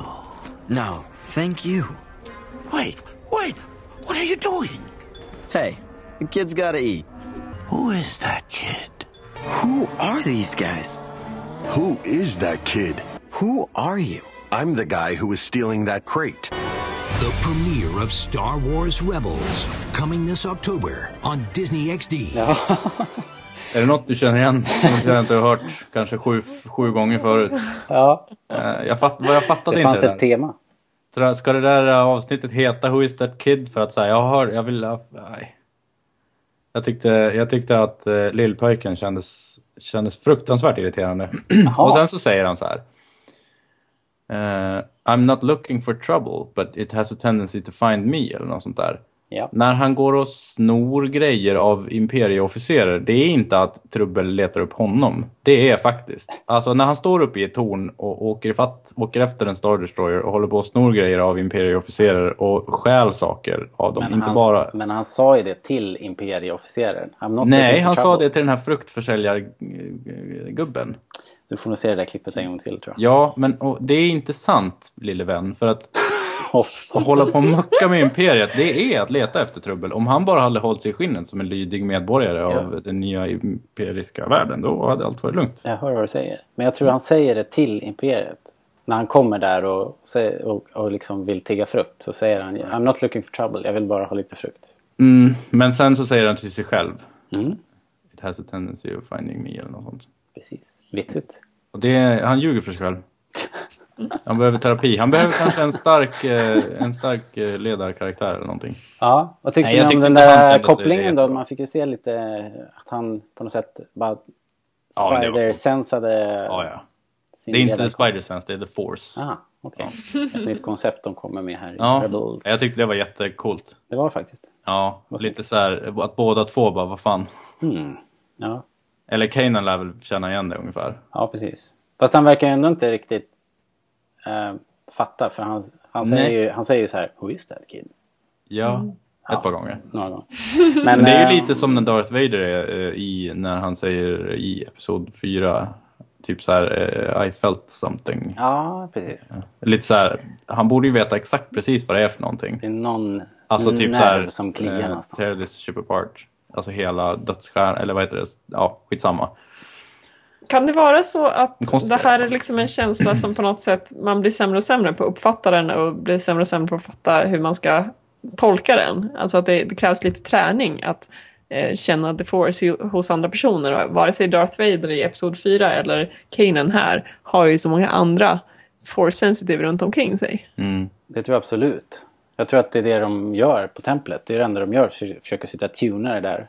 Ja, och sen så blir de väl starkare av varandra. Kanske det, ja. Yoda blir ju väldigt svag av att alla dör till exempel. Mm. Ja, jag hade ju en till fråga kring Rebels. Det var de här korten som kommer ut, eller någon slags informationsblad om olika karaktärer. Eh, där det kom eh, bland annat en om Kanan. Eh, där det står att han är 28 år gammal. Mm. Okej. Eh, hur vill vi tolka det? Eller jag, min första tanke var ju så här, okej, antingen så utspelar sig Rebels ganska långt före Episod 4. Eller så var Kanan alltså bara en liten padawan när Order 66 skedde. Okej, nu får ni hjälpa mig här. Det är alltså... Nu ska vi se. Det är efter... Det är mellan Episod 3 och 4 och vad jag har hört så, så ska typ Luke och Leia ska vara ti, tidig tonår. Så här, 12, Nej, de är 13 väl ungefär 20. Det är väl 20 år skill... Alltså... eh, Episod 3 är väl ungefär 20 år before Battle of Yavin liksom. Ja, just det. Precis. Men under den här under Rebels, Jaha, så ska, ja, har jag hört att de kommer att vara liksom lite för unga. Ja, precis. För det var det jag liksom, jag har hela tiden tänkt att det här kanske är bara 3-4 år in, innan Episod 4. Men, men då skulle han som sagt varit väldigt, väldigt ung när Order 66 gällde. Och jag har liksom trott att han ska vara en fullfjädrad jedi. Jag tror det ligger närmare, jag tror det ligger närmare trean än Ja, fyran. okej. Ja. Men Vänta, tror du att Rebels ligger närmare trean? än fyran, ja det tror jag. Nej, det tror inte jag. Ja, Jag fått tänker mig snarare att eh, Kanan var eh, typ, om inte vet jag, 12. Okej. Hmm. Alltså att han, eh, det är ju en av, som en av grejerna att han ska ju hitta sin, sin väg liksom. Eh, Och hade han varit gammal då hade han ju vetat betydligt mycket mer vad det var som gör, var görningarna och inte stått som ett frågetecken när han force-sensade en annan force-sensitive. Ja, ja, ja. ja. För oavsett vad så kommer det här ändå få viss betydelse. För jag tänker just på vilka karaktärer som kommer kunna hoppa in i serien. Ja, absolut. Alltså som är, är, är det här kort efter Episod 3, ja då kommer kanske inte finnas någon poäng med Leia. Men är det kort innan Episod 4, då är det ju högst troligt att hon dyker upp någonstans. Eh, Ja, till exempel. Och, och samma grej med Soka, Sarge Ventress och sådana. ja, men där, vill man ju, där är det ju tvärtom då. Ska de dyka upp då, då kanske det är närmare trean då. I, på Wikipedia så står det att eh, Rebels utspelar sig fem år före Episod 4. Okej. Oj, Okej. Mhm. Ja. Hmm. Och då är, ja. Men eh, det är obekräftad källa för Wikipedia. Är ju, mm, mm, mm. Men då skulle det stämma att han var ja, 13 år i samband med Watch 66 och ganska ung. Ja, det, ja. Ungefär som jag sa. Ja. Mm. Nej, alltså det är en stor grej för mig. Det är ju eh, fartygen, farkosterna. De är ju alltid, det är ju mina ständiga eh, nordstjärnor att orientera sig efter. ja. De, de är ju faktiskt rätt lika. TIE Fighters är ju TIE Fighters. Ja. Det är ju inte någon så här eh, TIE-prototyper, typ. Nej, just det. De har lite mindre vingar. Det kan ju visserligen vara att de är en tidig modell eller så är det artistisk frihet. Jag tror Mm. det är nog lite artistisk Ja. frihet. Precis som med Stormtroopers. Ja, precis. Man har, Allting ser lite funky ut. ja, det är lite funky. Och det, det tror jag bara är för att det ska särskilja sig på produkthyllan. Liksom. Mm. Men eh, i den här sju minuten, då var inte Hera med va? Nej, Utan det var bara... Ja, Sabine och. Chopper var inte med, men Sabine var med. fick man ju se lite grann. Det var coolt. Jag tyckte, det var, jag tyckte hennes grej var skitcool. Eh, när, eh, när hon... När Ezra försöker fly med de där eh, lådorna. Jaha, jag tyckte Och- den reaktionen var jättekonstig. Vadå då? Ja, men varför skulle hon... Hon är ju någon sorts... Hon är ju en Mandalorian. Liksom. Ja, kom eh, igen. explosive expert. Man, hon tvekade ju inte sekunder innan att spränga folk i luften. Och sen kommer Nej, den men här hon lilla kan bratten ju och tar skylla- hennes... Hon kan ju skylla... hennes Hon kan ju skylla... Hon kan ju skylla... skylla hon kan ju göra skillnad på goda och onda tror jag. Mm. Och sen så tror jag mer att det är lite... Alltså de är ju väldigt så här... Mandalorians är ju väldigt... eh, Nu beror det ju i och för sig på vilka Mandalorians vi pratar om. Vi pratar om Mandalorians innan Clone Wars eller efter. Eh, Men de har ju alltid varit eh, så väldigt, väldigt inne på det här med heder och sånt där. Mm. Så då kanske hon ser att, att Ezra är en, eh, en bubblare. Ja, ja. För hon säger ju eh, alltså att så här, stick med den här from the big guy fångar dig. Jag vet inte om hon menar... Eh, Kanan tror jag hon Kanan. syftar på. ja, eller Seb. Ja, okej. Ehm, och sen så säger hon good luck. Och det tycker jag, jag tycker det är lite fint. Ja, ja, okej. Jag gillade det i alla fall. I say she's weak. Den som jag tycker minst om hittills. Nu när eh, Chopper har, har eh, liksom eh, åter, liksom verkligen eh, Redeem himself. redeemed himself. Vad heter det på svenska? Eh, Eh, redeemat. Ja.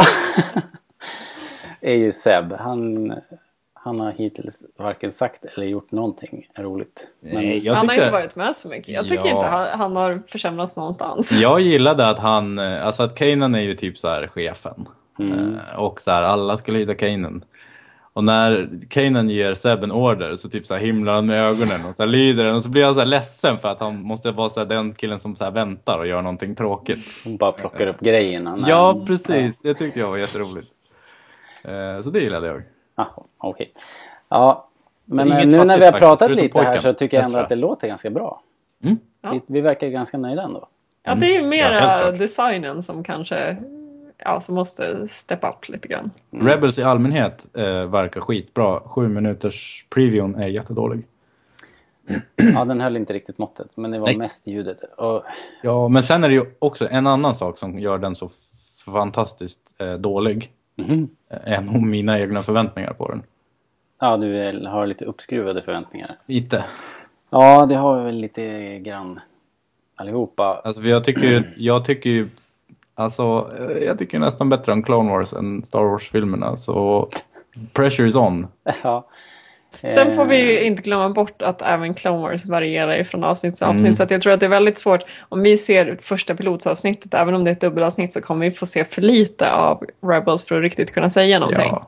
Ja, Eh. och, och sen ska vi kanske inte glömma att det är en ny start. Det är en ny serie och de har fått de har liksom fått uppdraget av eh, Disney XD att göra en serie för barn i den här ålderskategorin. Men jag kan ge mig 17 på att den här serien kommer att utvecklas precis som Clone Wars gjorde Ja. till någonting eh, mycket coolare än vad det var första säsongen. Liksom. Eller jag vet inte, jag hoppas verkligen det.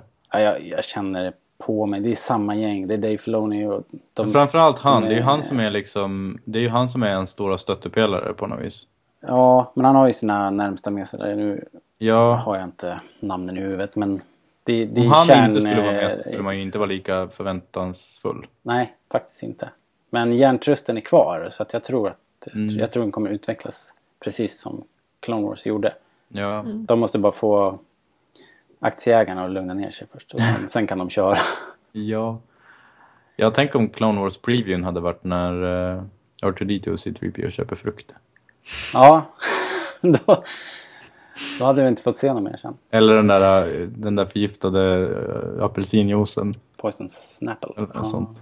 det, Spoiler! eh, det var... Det var inte, Ska vi gå vidare? Det, det var inte de bästa stunderna. Nej. Jösses. Ja, alright. Vi lämnar Rebels därhän för den här gången. Det kommer ju mer. Det är ju det är fullt tryck på Rebels nu. Det kommer ut mera såna här kortfilmer ska det komma nu de närmaste veckorna. Så håll ögonen öppna på, på bloggen.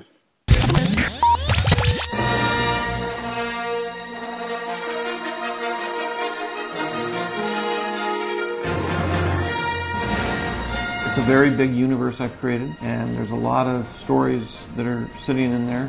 We are absolutely going to make Star Wars movies, mm-hmm. and we are in the midst of the really fun part of the process, which is we're sitting down with a couple of writers and we're starting to discuss ideas and we're starting to talk about what those stories might be. I'm doing this so that the films will have a longer life, and so that more fans and people can enjoy them into the future.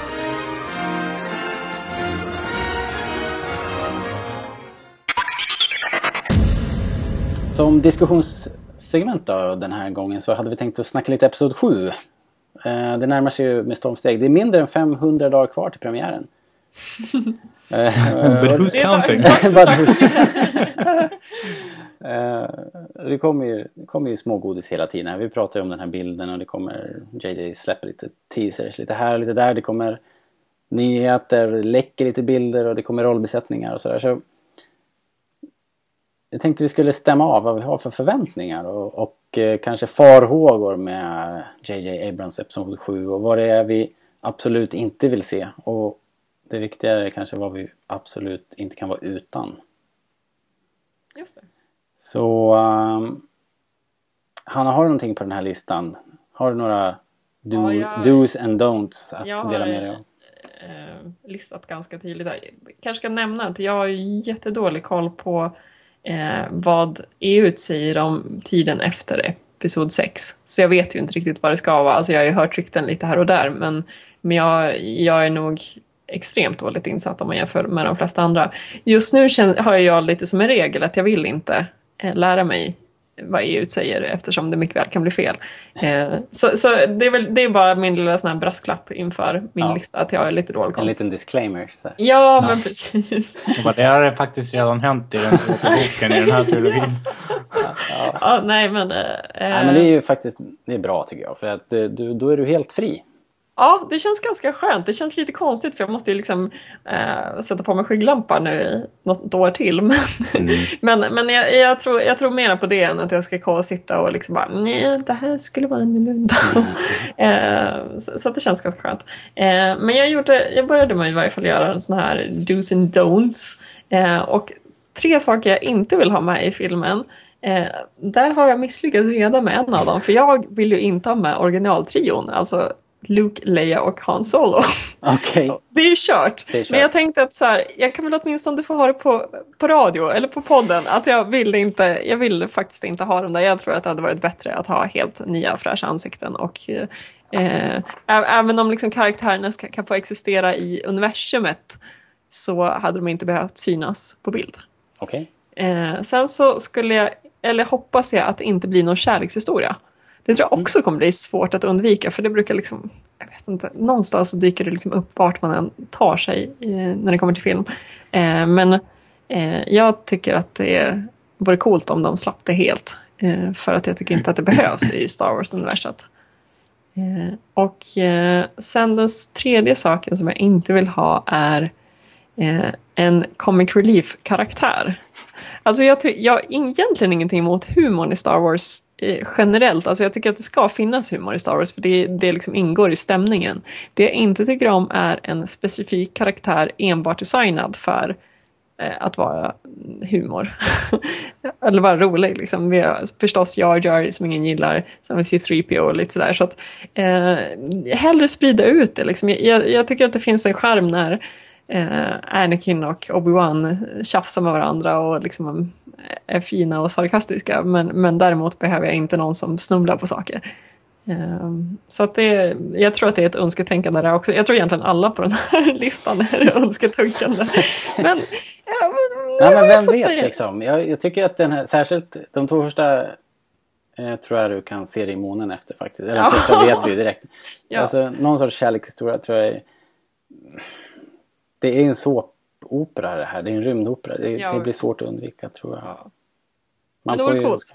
Ja, ja Det vore, kan det vore, jag tycker det vore nytänkande att skippa det. Mm. Ehm, Ska jag gå vidare på vad jag vill ha? Men det direkt? tredje skulle jag bara säga att det tycker jag låter jättebra. Ja. I så Ja. fall. Eh, För att det är tröttsamt med de här Jar Jar-karaktärerna som är, som är uppenbara, lite för Ja. uppenbara. Side Jag förstår ju att det är Disney, de kommer vilja gå mot liksom, barn och sådär. Så det, det måste mjukas upp lite grann, men jag tror att det går att göra på andra sätt. Och med tanke på hur hatad Jar Jar ändå var så tror jag de är försiktiga med att göra en motsvarande karaktär som är i den stilen. Men vi får se. Ja. Eh, det jag skulle, däremot skulle vilja ha det är först och främst eh, sån här klassisk Star Wars-vänskap. Alltså eh, fina duos av olika slag. Det behöver, det, jag tänker bland annat på liksom Obi-Wan och Anakin i prequels, Anakin och Soka. Eh, och lite av, den karaktären kanske också Chewie och Han Solo.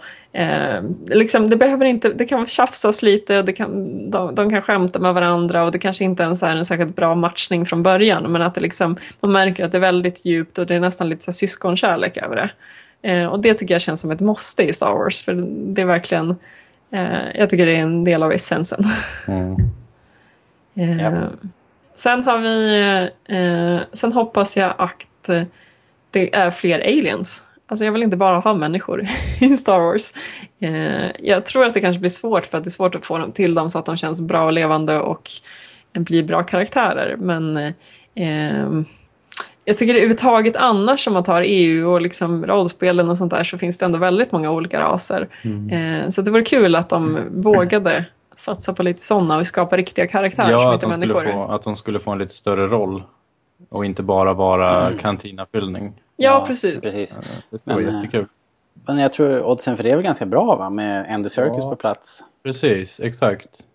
Och det är ju, Alltså det gick ju inte riktigt förut. Eh, alltså eh, prequel-filmerna. Men det var ju väldigt länge sedan. Och det har hänt väldigt mycket sedan dess. Ja, oh, Ja, ja, nu kan de ju faktiskt få till det så att det blir bra. Ja, för vi tar eh, Gollum är väl det bästa exemplet kanske. Ja. På Och- någon som blir en riktig karaktär. Ja. Och Caesar då, som vi har sagt förut också i de här Apornas planet. Eh, Mm. Ja, och sen om man tar Är Guardians of the helt Galaxy. datoranimerad? Ja, Mm. motion capture. Ja, okej, ja. Och det är ju Ja. Andy Serkis som, som Ja, ja, just det. Mm. Eh, och om man tar Guardians of the Galaxy som ett exempel nu som är Marvels liksom första rymd som helt utspelar sig Mm. helt i, i yttre rymden så vimlar det ju av olika Kändes de aliens. bra då? Jag tycker faktiskt att flera av dem är, är, i, är bra. Mm. Det är inte Ja, där men problemet med filmen ligger i alla fall. Nej, nej Absolut inte. Ehm, utan Så det mera, mera nya Apornas planet och mindre Men in Black typ. Japp. Ja, helst. Sen den tredje saken jag skrev upp det var att jag vill ha ett, eh, ett hot eller en fiende som känns farlig på riktigt. Eh, alltså någonting som, som liksom jag själv också skulle bli rädd för.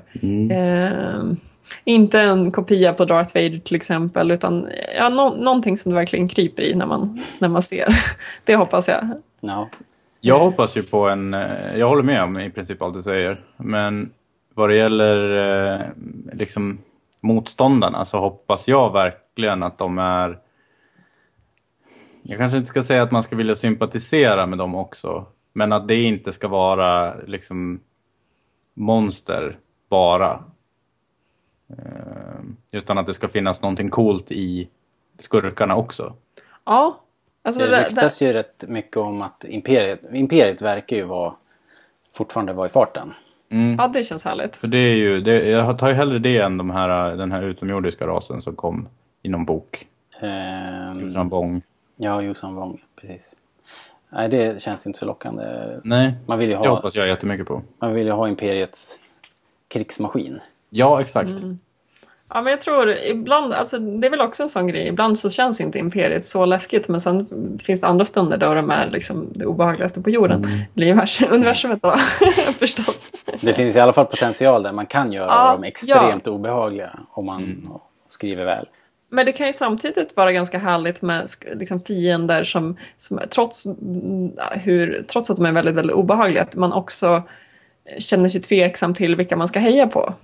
Eh, Imperiet är väl lite så för att det ändå, folk gillar ju dem och tycker de är häftiga. Men just det här att man, liksom, man kanske ser till exempel en poäng med Imperiet för det är strukturen i universumet och eh, eh, som kanske gör att saker ändå funkar hyfsat. Till exempel sådana frågeställningar tycker jag är rätt härliga också. Att det liksom, rebellrörelsen kanske hade fel. Det Fan. finns ju ett kanonexempel med X-Men om ni har sett de filmerna. Ehm, Magneto som är, Ja men till exempel. som är liksom bad guy. Ja. Han, när han argumenterar så tänker man ju så här att han, han har ju rätt. Ja, ja. De måste ju anfalla först. Ja. Liksom, för vi, eftersom vi känner ju människorna. Ni kommer ju, de människorna kommer ju backstabba och börja ta bort alla Ja. det, vet, det vet vi redan. Ja. Men det finns ju, alltså det finns ju lite sånt i Star Wars redan. Alltså inte att, att Imperiet kanske är goda egentligen.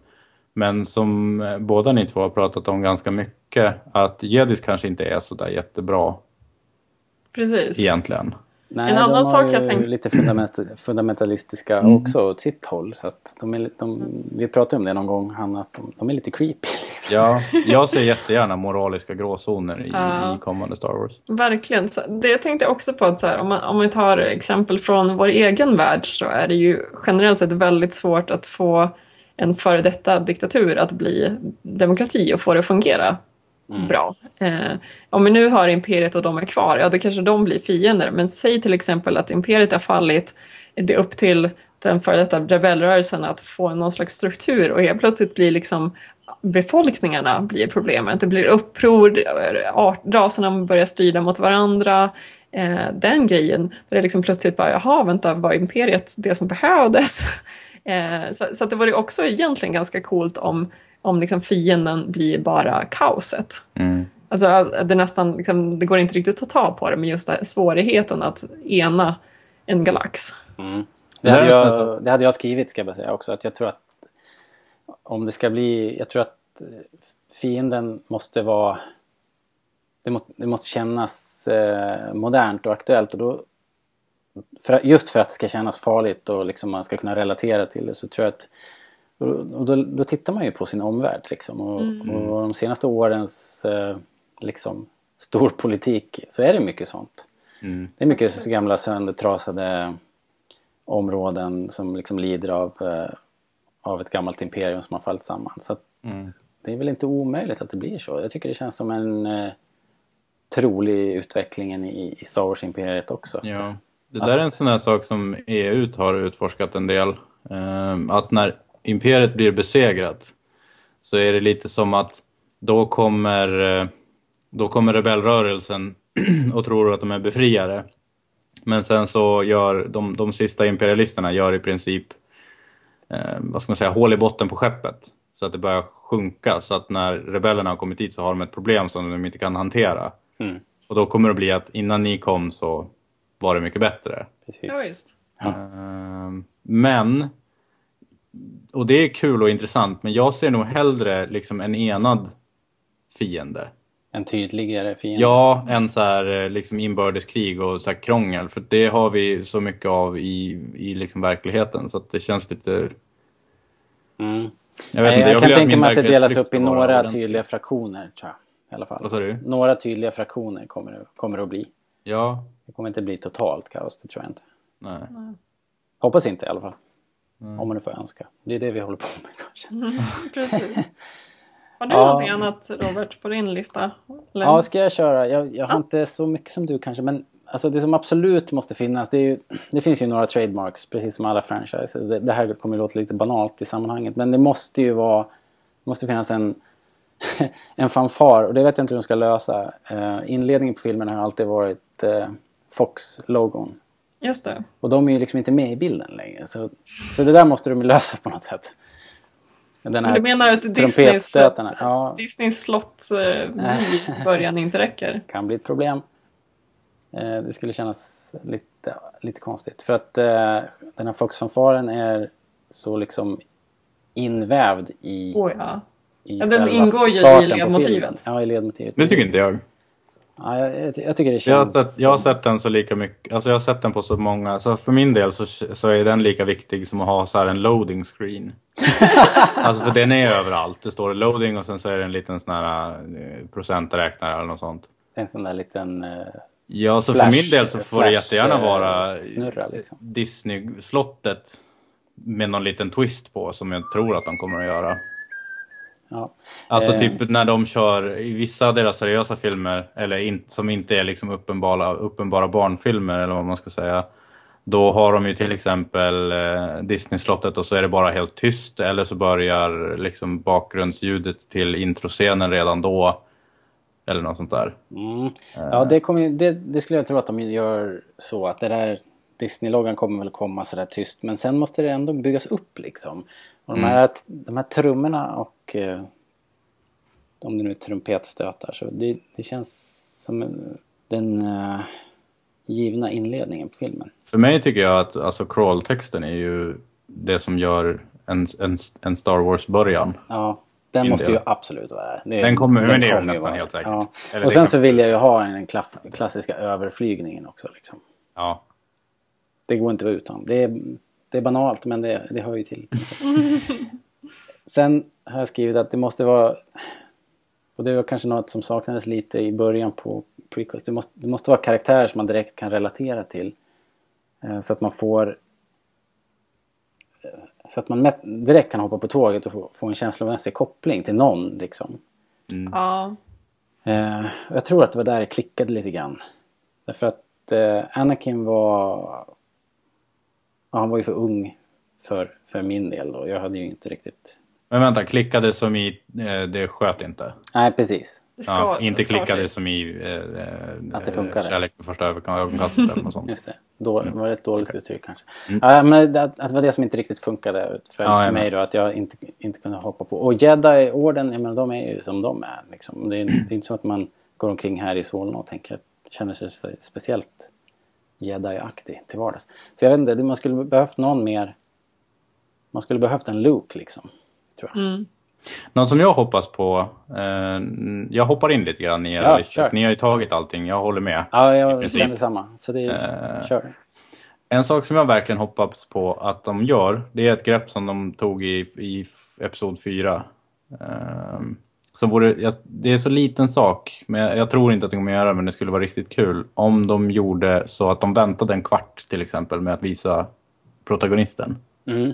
Att det fick handla om andra saker under tiden och sen kom vi till den, des- den filmen ska handla om. Eh, för jag tyckte det var så häftigt när de gjorde så. Men det känns som ett ganska vanligt filmkoncept överhuvudtaget. Att man får liksom en eh, startscen som, som bara lägger grunden men som inte handlar om personerna. Ja, men det brukar aldrig gå, aldrig gå så långt som de gjorde i Star Nej, Wars. det är sant, det Där är är de, de är ganska, alltså det finns naturligtvis undantag, Mm. men de är ganska unika med att inte visa protagonisten inom fem minuter. Ja, det är nog ganska ovanligt. Ja. För det brukar, brukar de flesta filmerna vara väldigt noggranna med. Ehm, Så det hoppas jag på. Men jag, eh, det var en ganska bra grej det här du pratade om att man vill ha en karaktär åtminstone som man liksom får någon slags band till. Och det, det hade inte jag riktigt tänkt på för jag hade nästan tänkt lite tvärtom. Att, eh, att jag skulle nästan, jag håller på att läsa om eh, The Game of Thrones nu. Mm. Eh, alltså första boken i den serien. Eh, och jag blev lite sugen på att ha Star Wars i samma känsla där det liksom är väldigt mycket som händer på samma gång och att man mera får känslan av att det är en värld som som händer än att det är karaktärer som utvecklas. Alltså Mm. att jag är mer intresserad av Star Wars-världen än Star Wars-karaktärerna. eh, men men du- samtidigt förstår jag ju att det behövs ju någon, någon liksom fast punkt här och där Ja. för att man ska bry sig överhuvudtaget. Men första gången du läste Game of Thrones så... Nu kommer vi spoila den här första boken. Men så, så man känner sig ju så otroligt... Man, man hejar ju för allt vad tygen håller på, på eh, Stark-familjen. Ja, Ni har ju inte sett tv-serien, det har jag. Och eh, Ned Stark, eh, han är ju en väldigt god man. ja. Och det går dåligt för honom. så att eh, där, där, där finns den där personliga kopplingen som, som jag pratade om. Alltså Ja, att man, det är för man har, sant att det är man har ändå karaktärer Jag var i alla fall ändå. väldigt liksom, känslomässigt engagerad i, i, i hela den där familjen och hur det skulle gå för Mm. dem och deras öde och sådär. Och sen så har ju de bara slitits sönder liksom. Mm.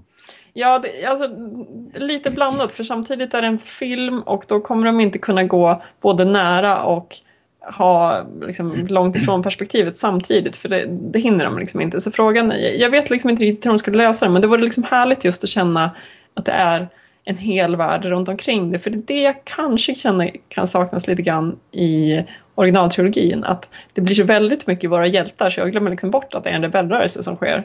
Eller som Mm. finns samtidigt. Mm. Eh, och det är det jag, jag, jag hoppas verkligen att man tänk, bryr sig om gruppen som sådan än enskilda karaktärer. Mm. Eh, men, jag, men jag förstår din poäng Robert. Du menar den stora gruppen nu? Alltså ja, en- precis. Ja, liksom Jag tror, jag tror ju tyvärr att de kommer att gå åt andra hållet. Alltså, Det tror jag också, För men att prequel-filmerna var ju, var ju åt det hållet. Där byggde Ja. de ju upp. Där var det ju mer hur, hur en, en demokrati faller samman. Ja, det är sant. Så att det är kanske redan gjort. Och nu känns det ju som att de gör filmerna för gammal originaltrilogis Ja. fans. Så Ja, att, det spåret förändras. Det, är, det där är en sak som jag tycker som sitter på min don'ts-lista. Vilket? Eh, att att eh, göra filmen för de gamla trilogins fans. Och jag, för jag känner så här, jag vill se... Eller vänta, är vi inne på dos eller don'ts?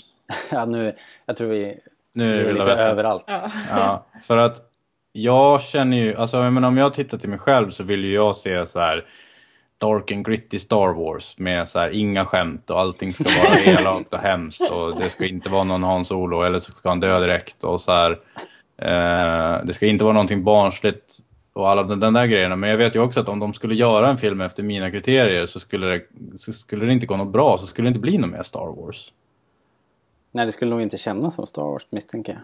Nej, det, alltså det beror ju på. Jag tror att om du skulle göra det så, så skulle, om du skulle titta jättemycket på de gamla filmerna så skulle du göra den så här vuxen.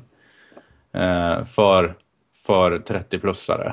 Mm. Då skulle det vara liksom en fest i hur det var när folk var och såg Star Wars för första gången på bio blandat med deras minne och deras preferenser nu med popkulturen som vi har.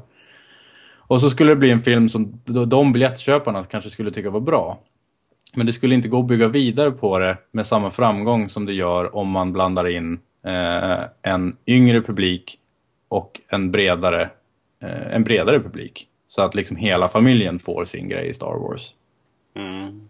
Eh, så att jag vill ju se, se mörka hårda Star Wars men jag vill ju inte att de ska göra det för att då blir det liksom tre filmer och sen blir det i princip inget mer.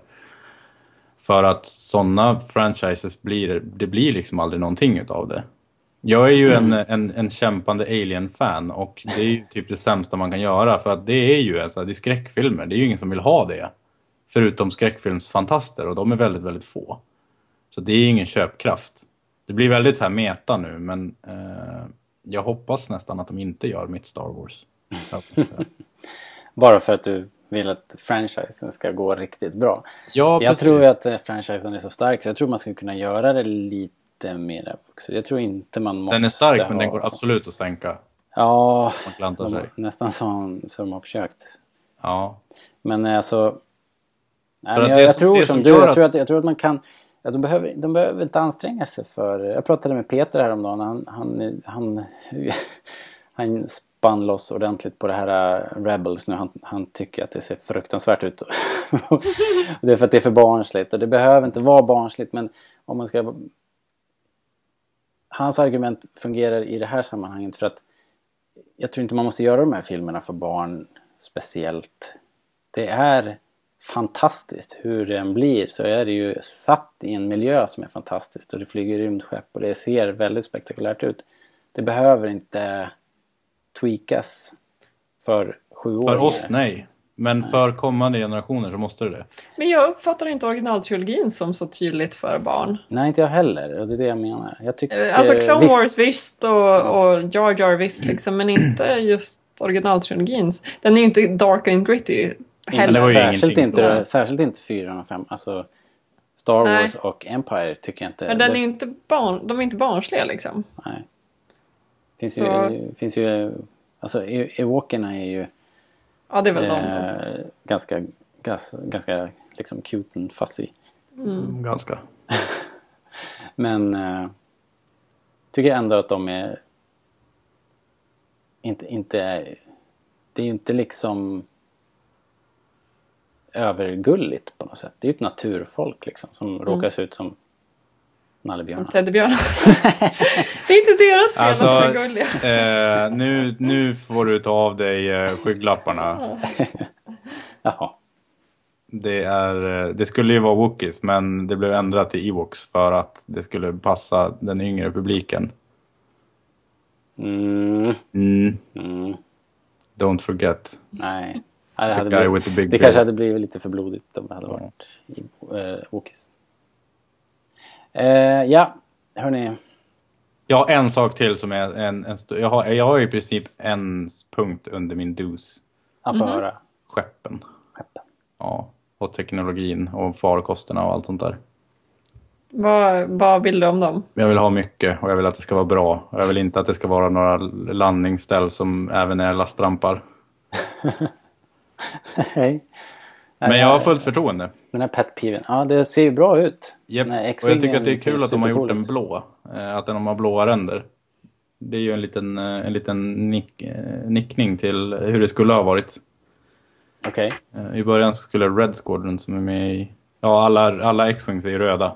Men de skulle vara blåa i, från början. Men det gick inte för de körde mot en blue screen och det blev lite dumt. Aha. Bytte de till rätt. Nu är de blåa. Det är coolt. Coolt. Mm. Slut på Eh, fakta. Ja, bara en sista grej. Nu har vi ju liksom hela tagit känslan på filmen, men vad, vad tänker ni om eh, antalet jedis? Alltså vill vi ha mycket jedis? Tror vi att det kommer vara mycket? Eh, liksom, hur, hur viktiga kommer de vara i filmen? För jag menar i eh, originaltrilogin är det ju ändå inte så mycket. Alltså det är ju mera ett utdöende släkte liksom. Och sen har vi prequels där det är väldigt, väldigt, väldigt vanligt istället. Eh, vad, vad skulle ni vilja ha i, i antal och betydelse här? Jag säger gärna en handfull. Inte så många helt enkelt. Ja, ganska många. Okej. Men inte, alltså liksom inte en hel akademi med så här Luke Skywalkers lärlingar. Men eh, inte att så här, att, att, att det bara ska vara Luke som använder the force typ. Och hans liksom padawan. Utan att det ska finnas ett par stycken. Och för då, framför det mig liksom, att, eh, ja, förlåt Erik. Säg klart vad du, vad du skulle säga. Ja, eh, att det ska finnas ett par som är i gråzonen också. Det vill jag säga. Ja, just det. Det var det, varsågod. Jag ser framför mig att, att han misslyckas, Luke. Mm. Att det liksom... eh, har- Det gick inte. Nej, det gick inte. He's too old. ja, kanske. Alltså, han kanske halkar dit. Han kanske, han kanske liksom inte klarar av det. Åh, tänk om han har, han har halkat dit hela vägen. Ja, kanske. Tänk om det är det som är grejen. Dark Eller bara att han har dragit sig tillbaka. Och Ja. bara gömt sig i exil någon. någonstans. Ja. Eller att han är knäckt av... För, att det har varit häxjakt liksom. Mm. På honom och på hans kanske om han har lyckats skaffa sig några followers. Och tänk om han är så här en svag jedi som behöver en, eh, en ung jedi för att få liv i honom. Mm, ja. Tråkigt. ja, det känns som en klyscha man har sett förut i Hollywood. Men eh, ja, jag tycker att, Robert att din idé känns rätt härlig. Att det inte är en förrådande akademi utan att det är liksom eh, att det är ja, i stort sett utdöende. Liksom. Mm. Det vore coolt. Och, och att, att det här som man tänker skulle vara så himla enkelt det in, faktiskt inte är så särskilt enkelt. Särskilt inte med tanke på att Luke inte är en, en färdig jedi riktigt. Nej, dels det och sen så funkar det ju inte Jedi-orden. Som Nej, koncept. precis. Liksom. Sant, sant. så, att, Ja. så att jag känner att det kanske... Eh, det fanns ingen riktig väg för honom att gå. Och sen kan man ju tänka sig att en, en så pass mäktig person kanske andra maktgrupperingar vill slå ner innan han hinner att rota Mm. sig och bli, och bli övermäktig. Eh, det, det är lite som jag fantiserar om det Mm. hela faktiskt. Mm. Om ni har, har ni har ni tänkt på om det, om det finns någon film som ni skulle vilja att Abrams tittar lite extra på och inspirerades av? Har ni någon sån på lager eller? Alltså när jag hörde att, uh, oh, vad heter det nu, han som gjort Looper, att han skulle regissera 8 och 9 så blev jag rätt pepp. jag skulle Eh. Ryan Johnson va? Ja, precis. Eh, jag, jag gillade den filmen och jag gillar hur krånglig och komplex, komplex den är. Eh, jag, tycker, alltså jag menar, nu pratar vi inte om att det ska vara så här mindbending, time traveling mm, stuff liksom. Men, eh, men, men just det här, det känns också som det är en del liksom, svåra val och, och, och lite, ja, vad ska man säga, lite, lite, lite mörk och lite sorglig. Och, och, men, men komplex. Mm. Så att jag hoppas ju att det såklart kommer till 8 och 9 men att det också, om det ska matcha ihop snyggt, att det även ger samma känsla i 7 Mm. Den, jag håller med, jag gillar också Looper. Eh, det finns ett, finns ett, ett gapande plot hole i den bara som, som jag fick höra efter jag hade sett filmen som Mhm. sabbade det lite. Men Det ska vi inte prata om nu. Det ska vi inte prata om nu. Nej. Nej, okej. Men den är, jag, jag gillar den jättemycket. Jag gillar världen och jag gillar människoödena där. Och, Ja. ja. den, den är riktigt bra faktiskt. Så, så den kan han väl få kika lite grann på. Men sen skulle jag vilja på, på, på din linje också Erik. Just med hårdvaran och hur världen ser ut och sådär så, så tycker jag han ska kolla in eh, Blomkamps alla filmer. Eh, District 9 och eh, Elysium. För att maskinerna och världen i de där filmerna är, är fantastisk. Ja. Eh, det är skitigt och industrier och det Ja. är kugghjul och det är maskiner som fungerar. Det är ingenjörer som har ritat de där grejerna. Eh, jag älskar det. Så, eh, sen, sen kan man säga vad man vill om, om storyn i de filmerna och sådär. De, särskilt Elysium hade en hel del problem. Men, eh, men världen kan man inte säga någonting om. Ja, nej, men jag förstår. Ja, hörni. eh, Vad länge vi pratar. Men det har varit semester så det är okej. Ja, vi har lite igen. Eller hur? Så... eh, Du spelar in va? ja, det här var bara ett genrep. Okej. Nu kör vi. Nu kör vi! Nej, men vi kör väl snart igen va? Absolut. Det är så mycket Star Wars nu så att vi kommer att prata igen ganska snart. Ja, jag är glad att semestern är över faktiskt. Japp. Eh, av massvis med anledningar, men en av anledningarna är faktiskt att det har varit så väldigt lite Star Wars som kommer. För det är verkligen så här, man märker verkligen att de också har semester. Ja. Eh, nu var det väl kanske läge att ta semester i och med att eh, Hankan solo. Eh, Just klämt foten i en dörr. Ja men jäklar, det har vi inte sagt. Han är ju på han gjorde gå illa igen. Jo, Ja, men han jo. är uppe igen. Han är uppe och Ja. hoppar. Det är bra. Han, han rör sig omkring sig och är ute och flyger sportflygplan. Och Mm. ser ju alldeles Ska inte han fantastiskt spela in ut. en film? Ja men de har ju haft, eh, de har haft två De har ju vacay. paus. Ah, okej. Så att, Ja, eh, det blev väl helt knas med schemat. Jag hörde att de skulle behöva börja filma när det typ eh, på någon ö, fågelö alldeles fel i schemat när det är typ parningssäsong. Och, Åh, nej. No! Ja, det var något jättesorgligt. Alltså så här, verkligen så här, eh, ekologisk katastrof om de kom, blir att de faktiskt kommer att filma.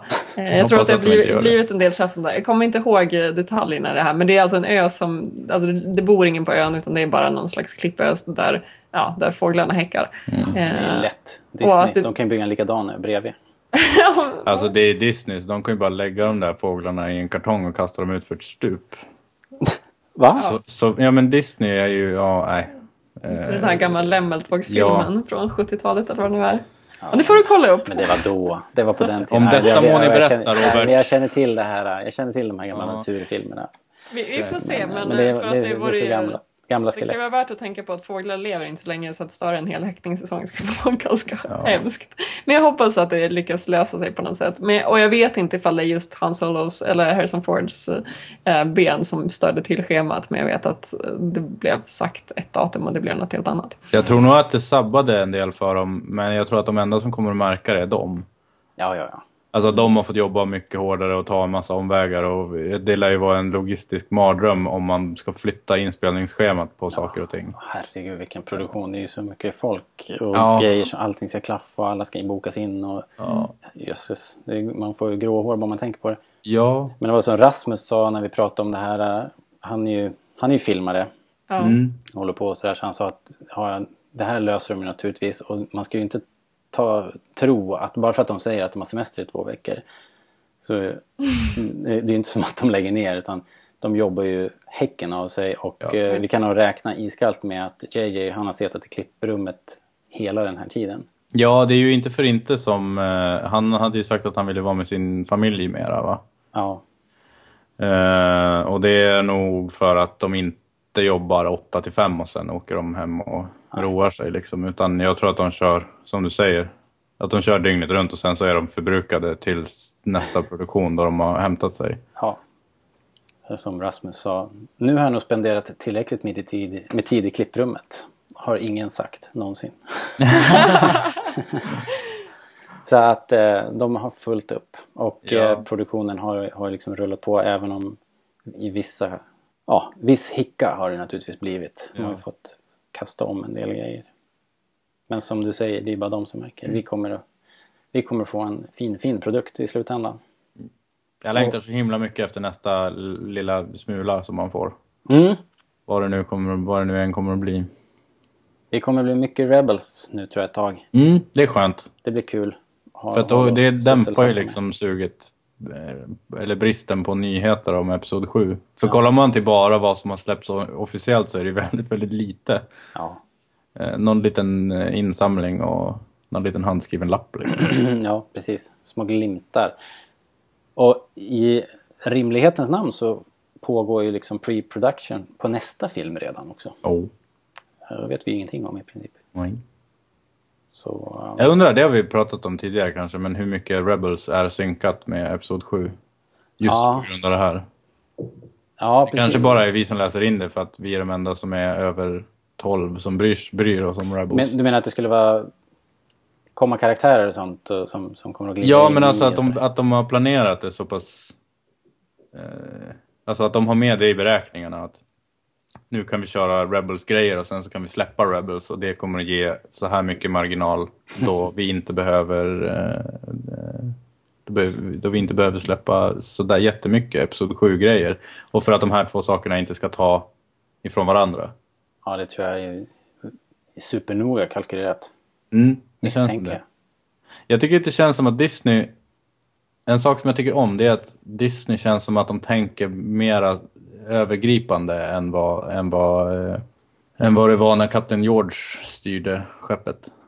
Ja, absolut. Alltså för då var det lite så han fick en idé och sen så lever han i någon sorts eh, liksom Peter Pan-värld och man bara kör. Ja. Och sen fick det bli det det blir. Men att det faktiskt sitter någon som faktiskt tänker först med vad det blir av allting nu.